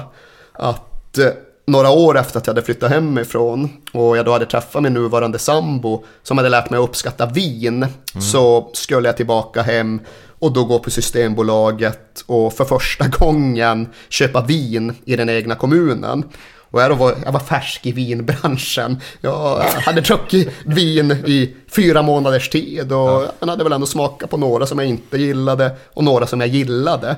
Så jag hade en idé när jag gick in på Systembolaget i Gällivare att det där vinet som jag tyckte var gott, men det, det ska jag köpa liksom. Vad var det det hette? Hur var det flaskan såg ut? Och jag gick där och liksom letade på Systembolaget som precis hade fått självbetjäning. Fram till det var det lapp i Ja, lucka. Men nu var det självbetjäning och självplock. Så jag gick, var det den flaskan? Eller var det den flaskan? Och jag kommer inte riktigt ihåg, men det var väl den flaskan. Jo, men det var säkert den flaskan. Plockade på mig några sådana, gick fram och ställde mig i kön. Ganska lång kö just före jul. Kommer till slut fram och ska betala. Och då slår det mig, nej, det var ju inte den, det var ju den där andra flaskan. Och jag står liksom och liksom pratar lite högt för mig själv. Fan, ska jag orka gå och byta och ställa mig sist i kön? Hur fan ska jag göra? Och kassören bara kollar på mig. Alltså grabben, vin som vin för helvete. och det här var ju under den perioden det var liksom stor drive om Systembolagets liksom personliga service och förträffliga kompetens. Behöver du ett speciellt vin till din fisk hemma? Prata med vår kunniga personal så hjälper de dig att orientera vad du... Han bara, jag förstår inte vad jag höll på med. Du ska dricka vin, du ska bli packad. Vad är problemet? Vad fan, vin som vin? och det, det är representativt för, Ja, den, för den miljön. Grymt. Och sättet förhålla sig till Ja, ja, bara. verkligen. Och det finns en poäng där som Ja. jag kan ställa upp på också. Ja. I grund och botten, ja, för helvete. Vin som vin, för helvete. Ja. Ja, Ja, vad härligt. Sällskapet är nästan viktigare än vad man dricker ibland. alltså jag är ju ingen kännare. Och här tror jag att jag och Glenn kan hitta varandra. Att när det kommer fram någon sommelier och börjar prata om druvor och nej, bouquet och man ska lukta och liksom virvla drycken och det ska luftas. Och... Jag respekterar dem på alla sätt och vis att de håller på med det, men för fan blanda inte in mig bara. Ja, jag gör knappt ens det. Nej, alltså. nej, nej, man det är knappt att jag Någon ska göra det också. Ja, vad roligt. Eh, Anders Jansson eh, berättade en rolig grej om det. Vi ska inte ta det nu alltså, men i hans avsnitt så, Ja, ja, så ja. berättade han om en liten missuppfattning där. Ja. Ja. Var med hon Mischa i Mästerkocken tror jag va? Det var någon i kockgänget. Jag ska inte ta hela nu bara Nej, sådär. nej, nej, nej. Oftast så när vi hade med Nicke från Mästerkocken då sa du somalier eller någonting va? Ja, ja. Här så var det tvärtom. Men det var inte meningen. Nej, nej. Nej. Nej, nej, nej. Men... eh, Det, det låter ju samma. Ja, ja, men jag sa inte det att det var meningen. Eh, då hade de skickat en, fått en inbjudan, eh, ett sånt här fint par då. Att den här personen skulle ta med sig två somalier tyckte han när stod i brevet. Men det var två Sommelier. somalierer. Vet inte fan vad pluralformen av sommelier. Så när han öppnade dörren där så har han gjort massa somalisk mat och grejer. Då är det ju då Mischa. Och det här är på riktigt alltså? Ja! De är uppvuxna tillsammans, Anders Jansson och hon. Nämligen nere i Lund. Ja, det var det va? Snacka Ja. om missförstånd. Så det var lite roligt var det. Ja, det var det. Aftonbladet. Du är vi fortfarande anställd där eller? Faktiskt inte, utan ja, som konsekvens av att den här poddprylen växte så mycket och svällde så mycket så sa jag till sist upp mig och behöll istället en typ av frilansavtal med Aftonbladet. Men det satt långt inne. Det var ja, något som jag drog mig väldigt mycket för och tror jag också liksom, en sån där gammal gruvarbetargrej. Liksom, du måste ha ett jobb, du måste Ja. ha en anställning. Det är 25 år till guldklockan, det är bara att tugga på för du vet aldrig när det blir bistra tider med Nej. gruvnäringen. Så jag satte värde på att vara anställd men nu är jag inte det längre. Nej. Vad, vad, eh, känns det bra idag att ha tagit steget? Ja, det gör det. Eh, det har funkat väl och sen är det ju också någonting med i alla fall vår del av arbetsmarknaden, vår bransch, att hela den branschen knuffar på för att inte ha anställda längre. Det är inga arbetsgivare som vill ha anställda och ta det ansvaret, utan Folk vill ha projektanställda, timanställda, frilansare som kommer in och gör ett jobb för, ja det är enklare arbetsgivarmässigt. Och min bild är ju verkligen att varenda liksom, reglering som hävs och varenda förändring som görs på arbetsmarknaden knuffar en i den riktningen. Den här gamla grejen med att man skulle ha ett jobb, en anställning som kunde vara i 20, 30, 40 år. Den luckras ju upp och det finns liksom starka krafter som trycker på i den riktningen. Och det gör ju också att det på många sätt blir mer fördelaktigt att vara frilans. Och jag har vissa liksom, ideologiska problem med det. Men på ett rent personligt plan så har det varit bra för mig. Men det, det är väl... Har du inte tillräckligt med, med det vi har satt? Jo, alltså Därför ifall... Går det verkligen att liksom kombinera de två? Alltså det är tre grejer du ska kombinera i och med att du dessutom har podden. Yes, yes. Så det där är ju ett ständigt jävla pusslande och ett Ja. dåligt samvete för att man inte riktigt hinner med den ena som man borde och så vidare. Men jag har ju nu hållit på med det i ett par år och det har liksom börjat sätta sig. Och liksom, alla vet vart jag kommer ifrån och hur min verklighet ser ut, min vardag ser ut. Så det funkar, men det är ju en utmaning. Det är ju Ja, ja. lättare att bara ha en arbetsgivare och liksom gå dit på måndag och gå hem på fredag. Det är enklare. Hur, hur ser en helg ut på Viasat? Eh, jag jobbar i grunden en dag på en sändningshelg. Förut var det så att man kunde förväntas jobba varenda gång det sändes Premier League-fotboll. Mm. Vet inte om det var precis innan du slutade kanske, eller precis efter du slutade. Att liksom Sladjan Osman Adjic kom in och gjorde det. alla Premier League-sändningar. Alltså han var uppe och nämnde varje gång det var engelsk fotboll på TV. Var det han den långe smale med glasögon? Exakt, Ja, exakt. Eh, och där kan inte jag vara. Det funkar inte med familj eller med liv eller någonting. Så jag brukar jobba en av två dagar. Så men det ser väl ut att jag går dit på lördag och så rullar bollarna igång och så pratar jag om det och sen går jag hem. Det är väl, det är väl ungefär så. Det låter ju jävligt enkelt. Ja, men det vet du. Men Alltså. du får vara, måste och stud- studera lite eller plugga eller har du allt i hjärnan alltså? Nej, inte i hjärnan, men engelsk fotboll framför allt. Alltså, det uppdaterar man ju sig på regelbundet och automatiskt. Ja, ja. Okej. Man tittar ju på matcherna och man följer det som skrivs och det som händer. Så det är inte så att man måste börja detaljstudera någon specifik grej inför en lördag. Utan man har ju ändå koll på vad som är aktuellt på något sätt. Du skulle aldrig vilja kommentera en match? Nej, det är inte Det är inte min din grej, alltså. Nej, Nej, nej. alltså just så spelmönster och taktiska förändringar och den typen av analyser. Det finns det så många andra som gör bättre. Det ska gamla tränare och gamla spelare syssla med. Jag kommer från ett annat håll. Ja, Jag ska ja. prata om andra saker. Och det gör jag i studion, det gör jag inte vid den där bisittarmicken. Nej, nej, nej. Det är därför jag tror så många gillar dig. För du kom från ett annat perspektiv. Och du, du får... Du har fått mig att se fotbollen på ett annorlunda sätt också. Alltså Okej. att... Nej, men att, att eh, jag har alltid gillat breddfotboll. Jag har alltid gillat eh, den lille som slår den store. Eh, men du har fått mig att gilla det ändå mer. Okej, vad kul. Supporterkultur, alltså alltihopa runt omkring. Det är inte bara de där 90 minuterna. Det är så mycket annat runt omkring. Ja, Det är ju liksom hela min utgångspunkt och det är det jag använt mig av genom hela mitt yrkesliv. Att fotboll för mig faktiskt är en sport i andra hand och en kultur, ett kulturfenomen i första hand. Liksom allt det där andra, livet och staden och människorna, det är faktiskt viktigare för mig. Jag älskar sporten, jag älskar matchen, men det är helhetspaketet som får det att bli mitt liv. Och jag tror att eh, det skulle finnas ett värde i att lite fler tyckare och kommentatorer och experter just kom från en annan utgångspunkt. För det är klart att tränare och spelare ska vara någon sorts stomme i rapporteringen och utvärderingen. De vet saker som vi inte kan känna till och förstå. Men det behöver inte vara 95 procent.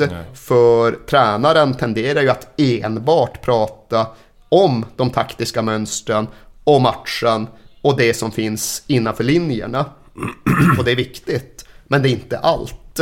Och där kan jag väl känna att det finns en skevhet. Att eh, det är så oerhört många som rekryteras utifrån sin egen erfarenhet på planen eller spelar bänken. Men det är så gott som ingen som rekryteras utifrån en upplevelse från läktaren. Och och det tror jag att vi skulle må bra av att förändra lite grann.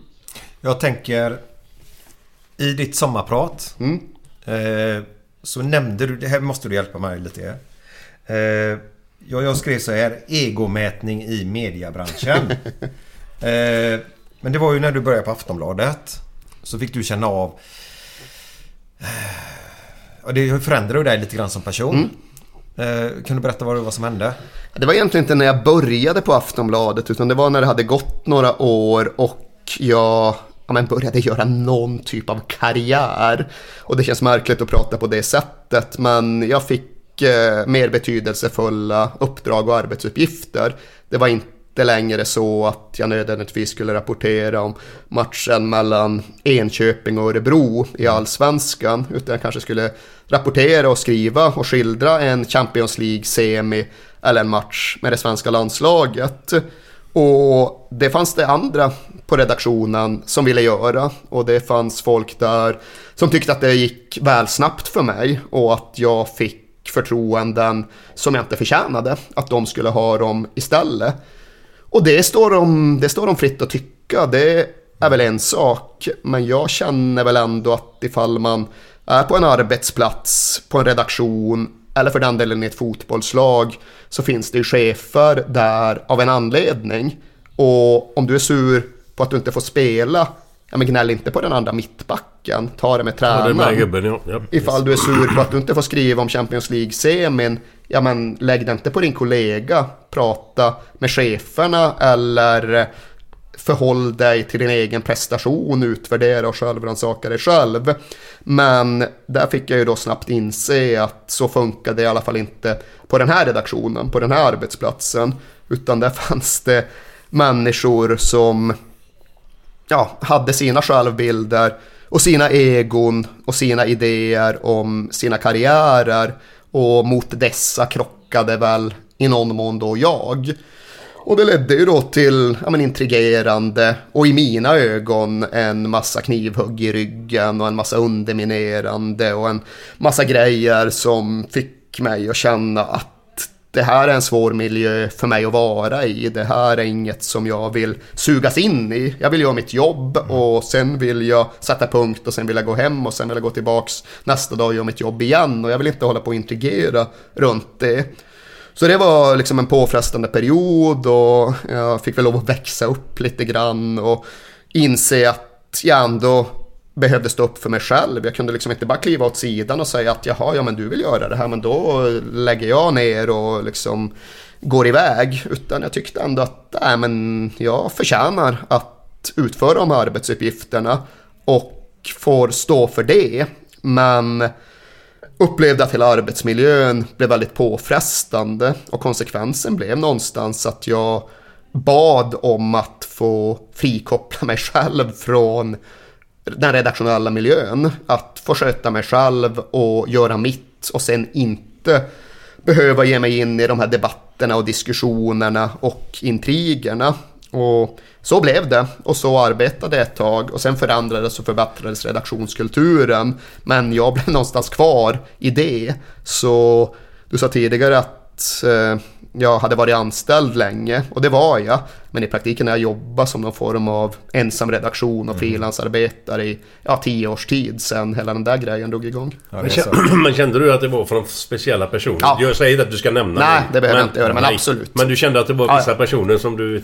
Det är han som Ja, tycker ja. så och så och så? 100 procent. Okej. Ja. Det var ja, egentligen två personer. Ja. Eh, och- Ja, ja, ja, nej, jag säger inte att du ska nämna Men det. vad, vad, vad var det värsta då? Eller vad, hur, hur, hur kunde det se ut? Nej men det kunde se ut på en rad olika sätt men det vanliga var ju att det författades långa skrivelser och krävdes en massa möten som gick ut på att ja, men prata om min oduglighet. Ja, men det är liksom väl hårt uttryckt men det liksom skulle argumenteras för att eh, den där personen ska inte göra de här jobben utan de ska jag göra istället. Och det var väl en sak, det kunde jag väl i någon mån ändå tugga i mig för det var i alla fall liksom en dialog internt på arbetsplatsen.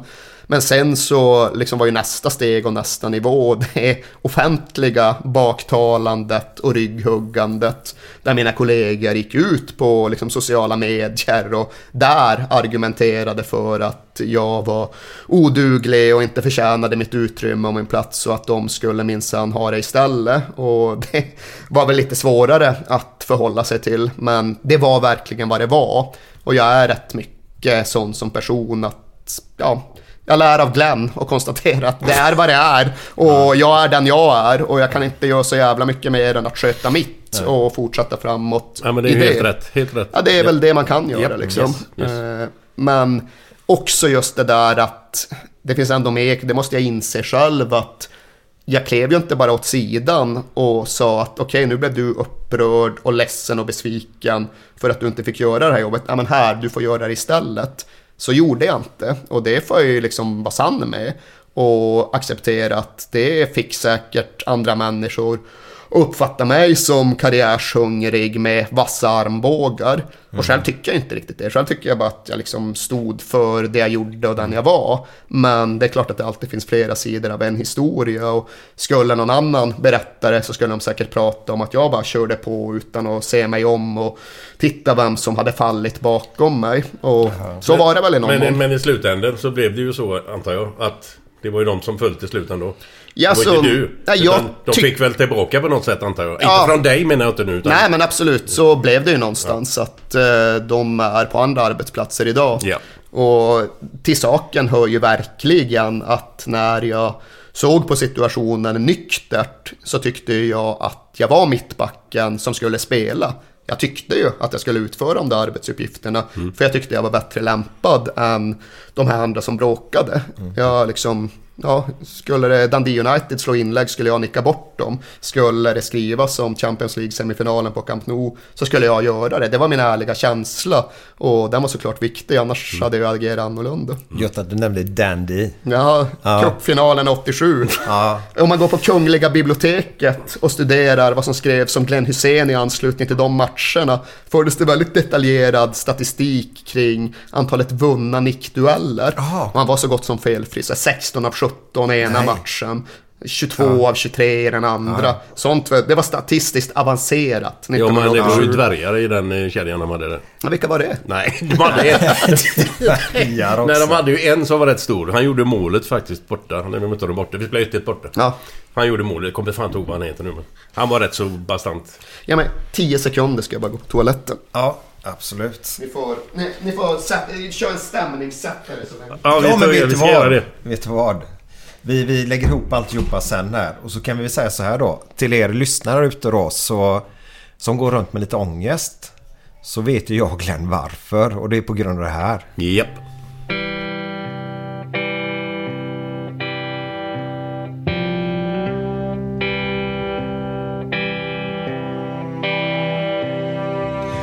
Fem på morgonen i New York City går en man i en sliten gammal hatt. Sveper rocken kring den tunna kroppen, huttrar till. Det har varit kallt i natt. Ser en strumpa sticker ut ifrån hans sko. Vandrar vidare men utan framtidstro. Fem på morgonen i Hallonbergen står en kvinna med gråten i sin hals. Tittar håglöst in i morgonsolen. Hon är trött, hon har inte sovit alls. Två av fem miljarder människor på vårt klot. Men mot deras ångest finns det ingen bot. För de är ledsna för att de inte är från Göteborg. De kan inte se hur Gustav Adolf pekar på sitt torg. Det är inget fel på att vara etiop. Men inte riktigt rätt ändå, det vet de allihop.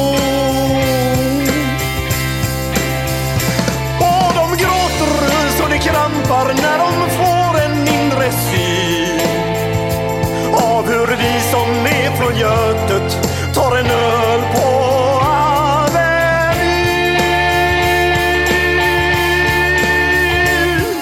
En fotbollskille får sitt genombrott och snackar proffskontakt med fem italienska klubbar. Ändå känner han att tåget har gått. En annan gubbe med en ollontusing och en latextjuva skriker ta mig röv gubbar. Men det ger honom inte nåt. Samma tomma blick och tårar salta smak. Om man frågar säger båda samma sak. De är ledsna för att de inte är från Göteborg. På Schappans torg. Det är inget fel på att vara från Mölndalsbro. Men 14 stopp med fyran svider mer än man kan tro. Och de gråter så det krampar när de får en mindre syn. av hur vi som är från Götet? Har vi vi som är från Götet? Så ja, vi är tillbaka igen då efter en liten halvpaus. Men det blir ju så, har man druckit tillräckligt öl då måste man få Ja, då är det ett depåstopp, så, så är det ju. Ja, yes. Det var därför jag tror alla, allting är uppbyggt. Jag tycker det är så häftigt med om man sitter tillbaka med tid och allt möjligt. För vi har ju inte förändrat fotbollsmatchtider och allting är uppbyggt. Jag tror på något sätt. De har 45 minuter tillägg och sen kissar du. Och sen kan du köra 45 minuter tillägg till. Ja, det finns eh, Det finns, någonting... finns något jävligt bra upp... upp Ja, det är lagom. Det är Mm. lagom eh, passager som ska passeras. Det finns en bra rytmik i det. Ja. Sen beror det ju mycket på vad som har hänt innan match. Ja, ja. ja, ja. Men man ska ju helst kissa innan. Man, man tar med sig sina erfarenheter in i den nya situationen. Så- Jag, jag har inte gjort det ännu. Lärt dig? Nej. Eh, Vi var inne på journalister. Bara, bara en sista fråga. Är det en tuff miljö? Alltså det är framför allt Jag tror att det här som vi pratar om nu lite Det här med liksom intern konkurrens och Just det här tävlingsmomentet Det är ändå underordnat Det finns där att det är alltid liksom personliga varumärken som ska byggas och liksom stegar som ska klättras. Men det som i alla fall jag upplever som det verkligt tuffa och utmanande det är ju tempot som branschen förändras i. För det är helt vanvettigt högt och jag vet att tidigare brukade det sägas rent samhälleligt att det tuffaste en människa kan gå igenom i sitt yrkesliv, det är, med, det är en strukturförvandling. Nu börjar Volvo bygga bilar på ett helt annat sätt och så måste den här 60-åringen vid bandet lära om. Hans gamla kunskap är inte värd någonting längre. Det är oerhört tufft och krävande. Men det händer hela tiden i dagens mediebransch. Det snurrar så fantastiskt snabbt och när jag började, då skrev jag ju en text som publicerades i en papperstidning dagen efter och sen var det klart. Mm. Och idag så ska det förvisso fortfarande skrivas en text, men den ska vara klar på 10 minuter och den går rätt ut på nätet och den är borta efter två timmar. Sen ska det nya texter med en annan vinkel och ett annat tonfall och så skulle det bloggas ett tag och sen skulle det inte bloggas längre och därefter kom sociala medier och skulle det i Twitter och ha ett innehåll på Instagram och sen var det utdaterat och nu är det TikTok och nu är det Snapchat och samtidigt som du ska lära dig det så växer hela poddsvängen till höger och sen är det rörlig bild till vänster och det är liksom en strukturförvandling i kvart kvarten och någonstans kommer det till en punkt där du inte orkar med det förändrings och utvecklingsarbetet. Och det är full förståelse och respekt för att har du skrivit dina kröniker i 30 års tid så vill du inte dansa på TikTok. Liksom. Du vill inte göra exakt. den förändringen av ditt yrkesliv. Men mediebranschen kräver typ det av dig. Och det är tufft och det är svårt och det vet inte fan hur länge man pallar med. Men jag tror inte längre att du går in som journalist på en lokaltidning som 16-åring och kommer ut som journalist som 66-åring och har kört hela det racet, löpt hela den linan och klarat av att uppdatera i löpande. Jag tror att den här branschen kommer att spotta ut folk efter 10, 15, 20 år för det är inte rimligt, det är inte mänskligt att orka med det ständiga uppdaterandet hela tiden. Intressant. Mycket intressant. Eh, hur ser framtiden ut för dig? Ja, framtiden för mig ser ut som så att jag och min sambo som också är journalist är ganska överens om att vi ska påbörja någon typ av livsväxling där jobben ska få lite mindre utrymme i våra liv. För kanske framförallt jag, som ju ändå lever någon typ av pojkdröm, har ju lagt så oerhört mycket i arbetet genom våra vuxna liv. Fan vet jag, liksom räknar du bort barnen och familjen så är väl jobbet 82% av min vakna tid. Och det är frågan hur länge det är sunt att det ska se ut på det sättet. Och vi är väl ganska överens om att ungefär nu så är det väl förnuftigt ifall det inte längre ska göra det. Så tanken är ju att gradvis jobba lite mindre men ändå försöka bibehålla entusiasmen. Och det är ju utmaningen för jag vill inte jobba 100% lika mycket som jag gör nu men 70% så bra. Mm. Jag vill jobba kanske 70% så mycket men göra det 100% Ja, ja, lika det ska bra. vara- det ska ju funka. Ja, Exakt, ja, det ska vara värt någonting och jag ska tycka det är kul om folk ska vara nöjda med Det det, ska jag ju gör. inte bara göras för att det ska göras utan det får ju vara bra också. Ja, då har man ju förlorat på något sätt. yes. Man måste ju ha kvar gnistan och glöden och tycka att det är värt någonting. Men kanske inte då låta det svälja all sin vakna tid. Mm. Och det är liksom utmaningen och framtiden. Och vi får se hur det går med den saken. För jag tror inte det blir alldeles enkelt. Jag är så väldigt van vid att ja, men när jag är uppe och går och står och är vaken så är jag med mina barn. Eller så jobbar jag. Ifall jag inte ska jobba ska jag dreja en kruka liksom. Ja, men du spelar ju padel, va? Nej för helvete. Alltså, det- det gör du inte det? Nej, jag har för mig att du nej, gjorde nej. det. Nej, nej, nej, nej, nej. Nej men så det ska jag väl... Dreja en kruka. Ja, nej men det, där är jag inte riktigt. Så vi får se vad det blir istället. Ja. Men eh, det är liksom idén med framtiden. Att det ska bli en lite annan balans i alla fall. Mm. Spännande. Ja, jag hoppas det. Det blir säkert skitbra. Vi, eh, Glenn, har du... Jo förresten, podden kommer ju nu onsdag då med Glenn. Mm. Det är ju den nionde, då släpps alla, alla, alla... Du, är bara, du kan bara kramas allting igen. Det är bara ett par timmar kvar nu. Ja, exakt, exakt. Pandemin är slut om tre kvart ungefär. Tänk om den muterar igen. Men det gör den väl? Ja, men tänk om den muterar till det sämre. Ja, något som blir... Död. Något som belastar Ja. intensivvården igen. Ja. Ja, nej, den, den det omställningen kommer vara tuff Nej. i så fall. Nej, men vi kan inte ropa hej förrän Nej, man nej. säger. nej, nej. Man är över häcken. Ja, eller är det? exakt. Hoppar över bäcken kanske? Eller vad är det? Häcken eller bäcken? Eller? Han faller i vattengraven på Finnkampens sista raka. Ja, den är inte rolig. Eh, jo, då kommer ju... När kommer avsnitt två ut? Är det nästa vecka då? Exakt, det är en onsdag Ja. därefter. Det är en veckas intervall där. När vi kommer hem ikväll, natt någon gång, jag och Glenn. Nio. Ska jag bara... Ja, om vi kör bra. Ja, ja. Med trafik och det. Eh, Lägga ifrån mig grejerna, gå och lägga mig och söva. Sen ska jag upp, åka upp till eh, Hammarkullen i Göteborg. Mm. Eh, ett stenkast från familjen Alkan. Är det så? Ja, det är livsfarligt där uppe. Eh, och gör lite schabloner och då ska jag lyssna på din podd. Ja, det hoppas jag att du får ut någonting av. Det kommer jag Och få. Det gläder mig att du ska lyssna, men det ska bli väldigt intressant att se om Glenn lyssnar och hur han i så fall liksom förhåller sig till den här här är ditt liv-känslan som det ändå borde kunna innebära. Nu kommer jag Mm. sitta och mässa i fem och en halv timme om den karriär som Glenn Hussein själv har glömt bort. Ja. hur, hur blir den upplevelsen? Det ska bli intressant. Det kan bli grymt. Så, så tack för det. Men Glenn, innan vi avslutar här nu. Vi sa ju det, vi kör ju inte någon låt här nu men Nej, de fick nej, ju den innan nej, nu då. nej. Så har du lust att avsluta med lite roliga historier då? Ja, det kan jag göra. Vi kan ju börja direkt med... Vilken nobelpristagare hade bara en sten i pungen?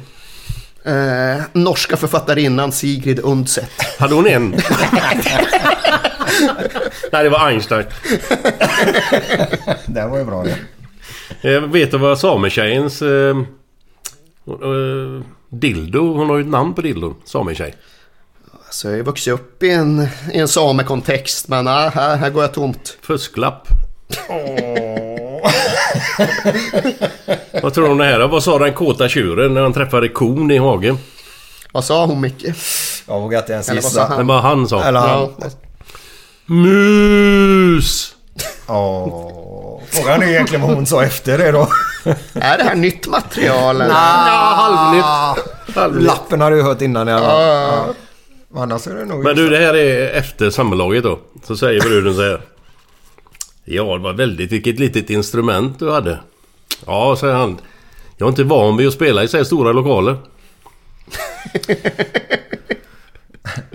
Den har Bert Karlsson dragit den här podden kan jag säga. Alltså det är så. Ja, ja, ja. Jag hade ju liksom eh, de mediokra lånar och geniesjäl. Du Ja. liksom snor Bert Karlssons bästa grejer. Ja, ja, ja. Jag har läst boken. Ja, vad härligt. Är det fortfarande så att ni har något sånt där eh, liksom fräckisnätverk med typ Ralf Edström och. Bengt-Åke Gustafsson och vad det nu Nej, men att det händer ju att Ralf skickar historier. Det är, och Bert också. Vem är mästaren då? Nej, det vet jag inte. Det, det blir, det, alla är ju uppe i åldern nu så det kommer ju mycket som har varit med tidigare. Men det känns ju ändå som att det kanske är du som står högst upp på tronen och måste försvara titeln där eller? Eller är det Ralf? nej, nej, nej. Eller? nej, Ralf är nog, men han är, strä, han är stråt vassare. Han är lite mer snuskig kan vi säga. Ja, det kan man säga. Ja, ja. Nog om det. Vår, våra lyssnare nu Erik. Mm. De är fredag. De är precis på väg hem från jobbet. De ska åka förbi bo, troligtvis bolaget. ICA, kanske handla lite god mat. Ska njuta av helgen. Kolla på fotboll naturligtvis. Mm. Vad, hur tycker du att de ska berika sin helg? Jag har fem ord till dem. Vin som vin, för helvete. Åh!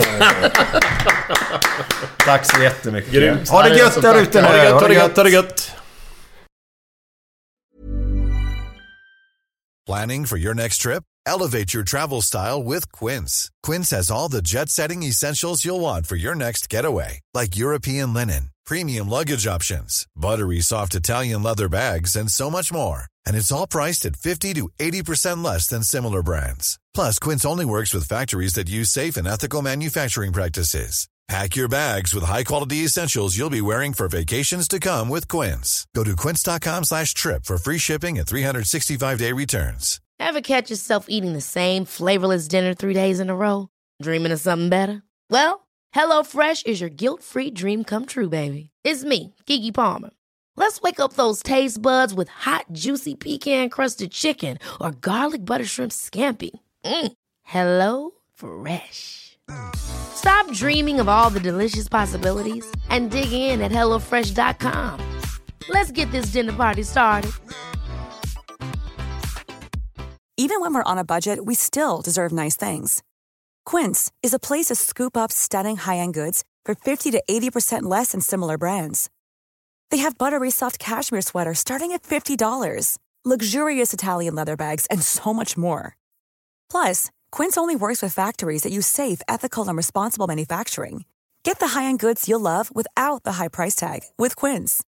Go to quince.com slash style for free shipping and 365-day returns.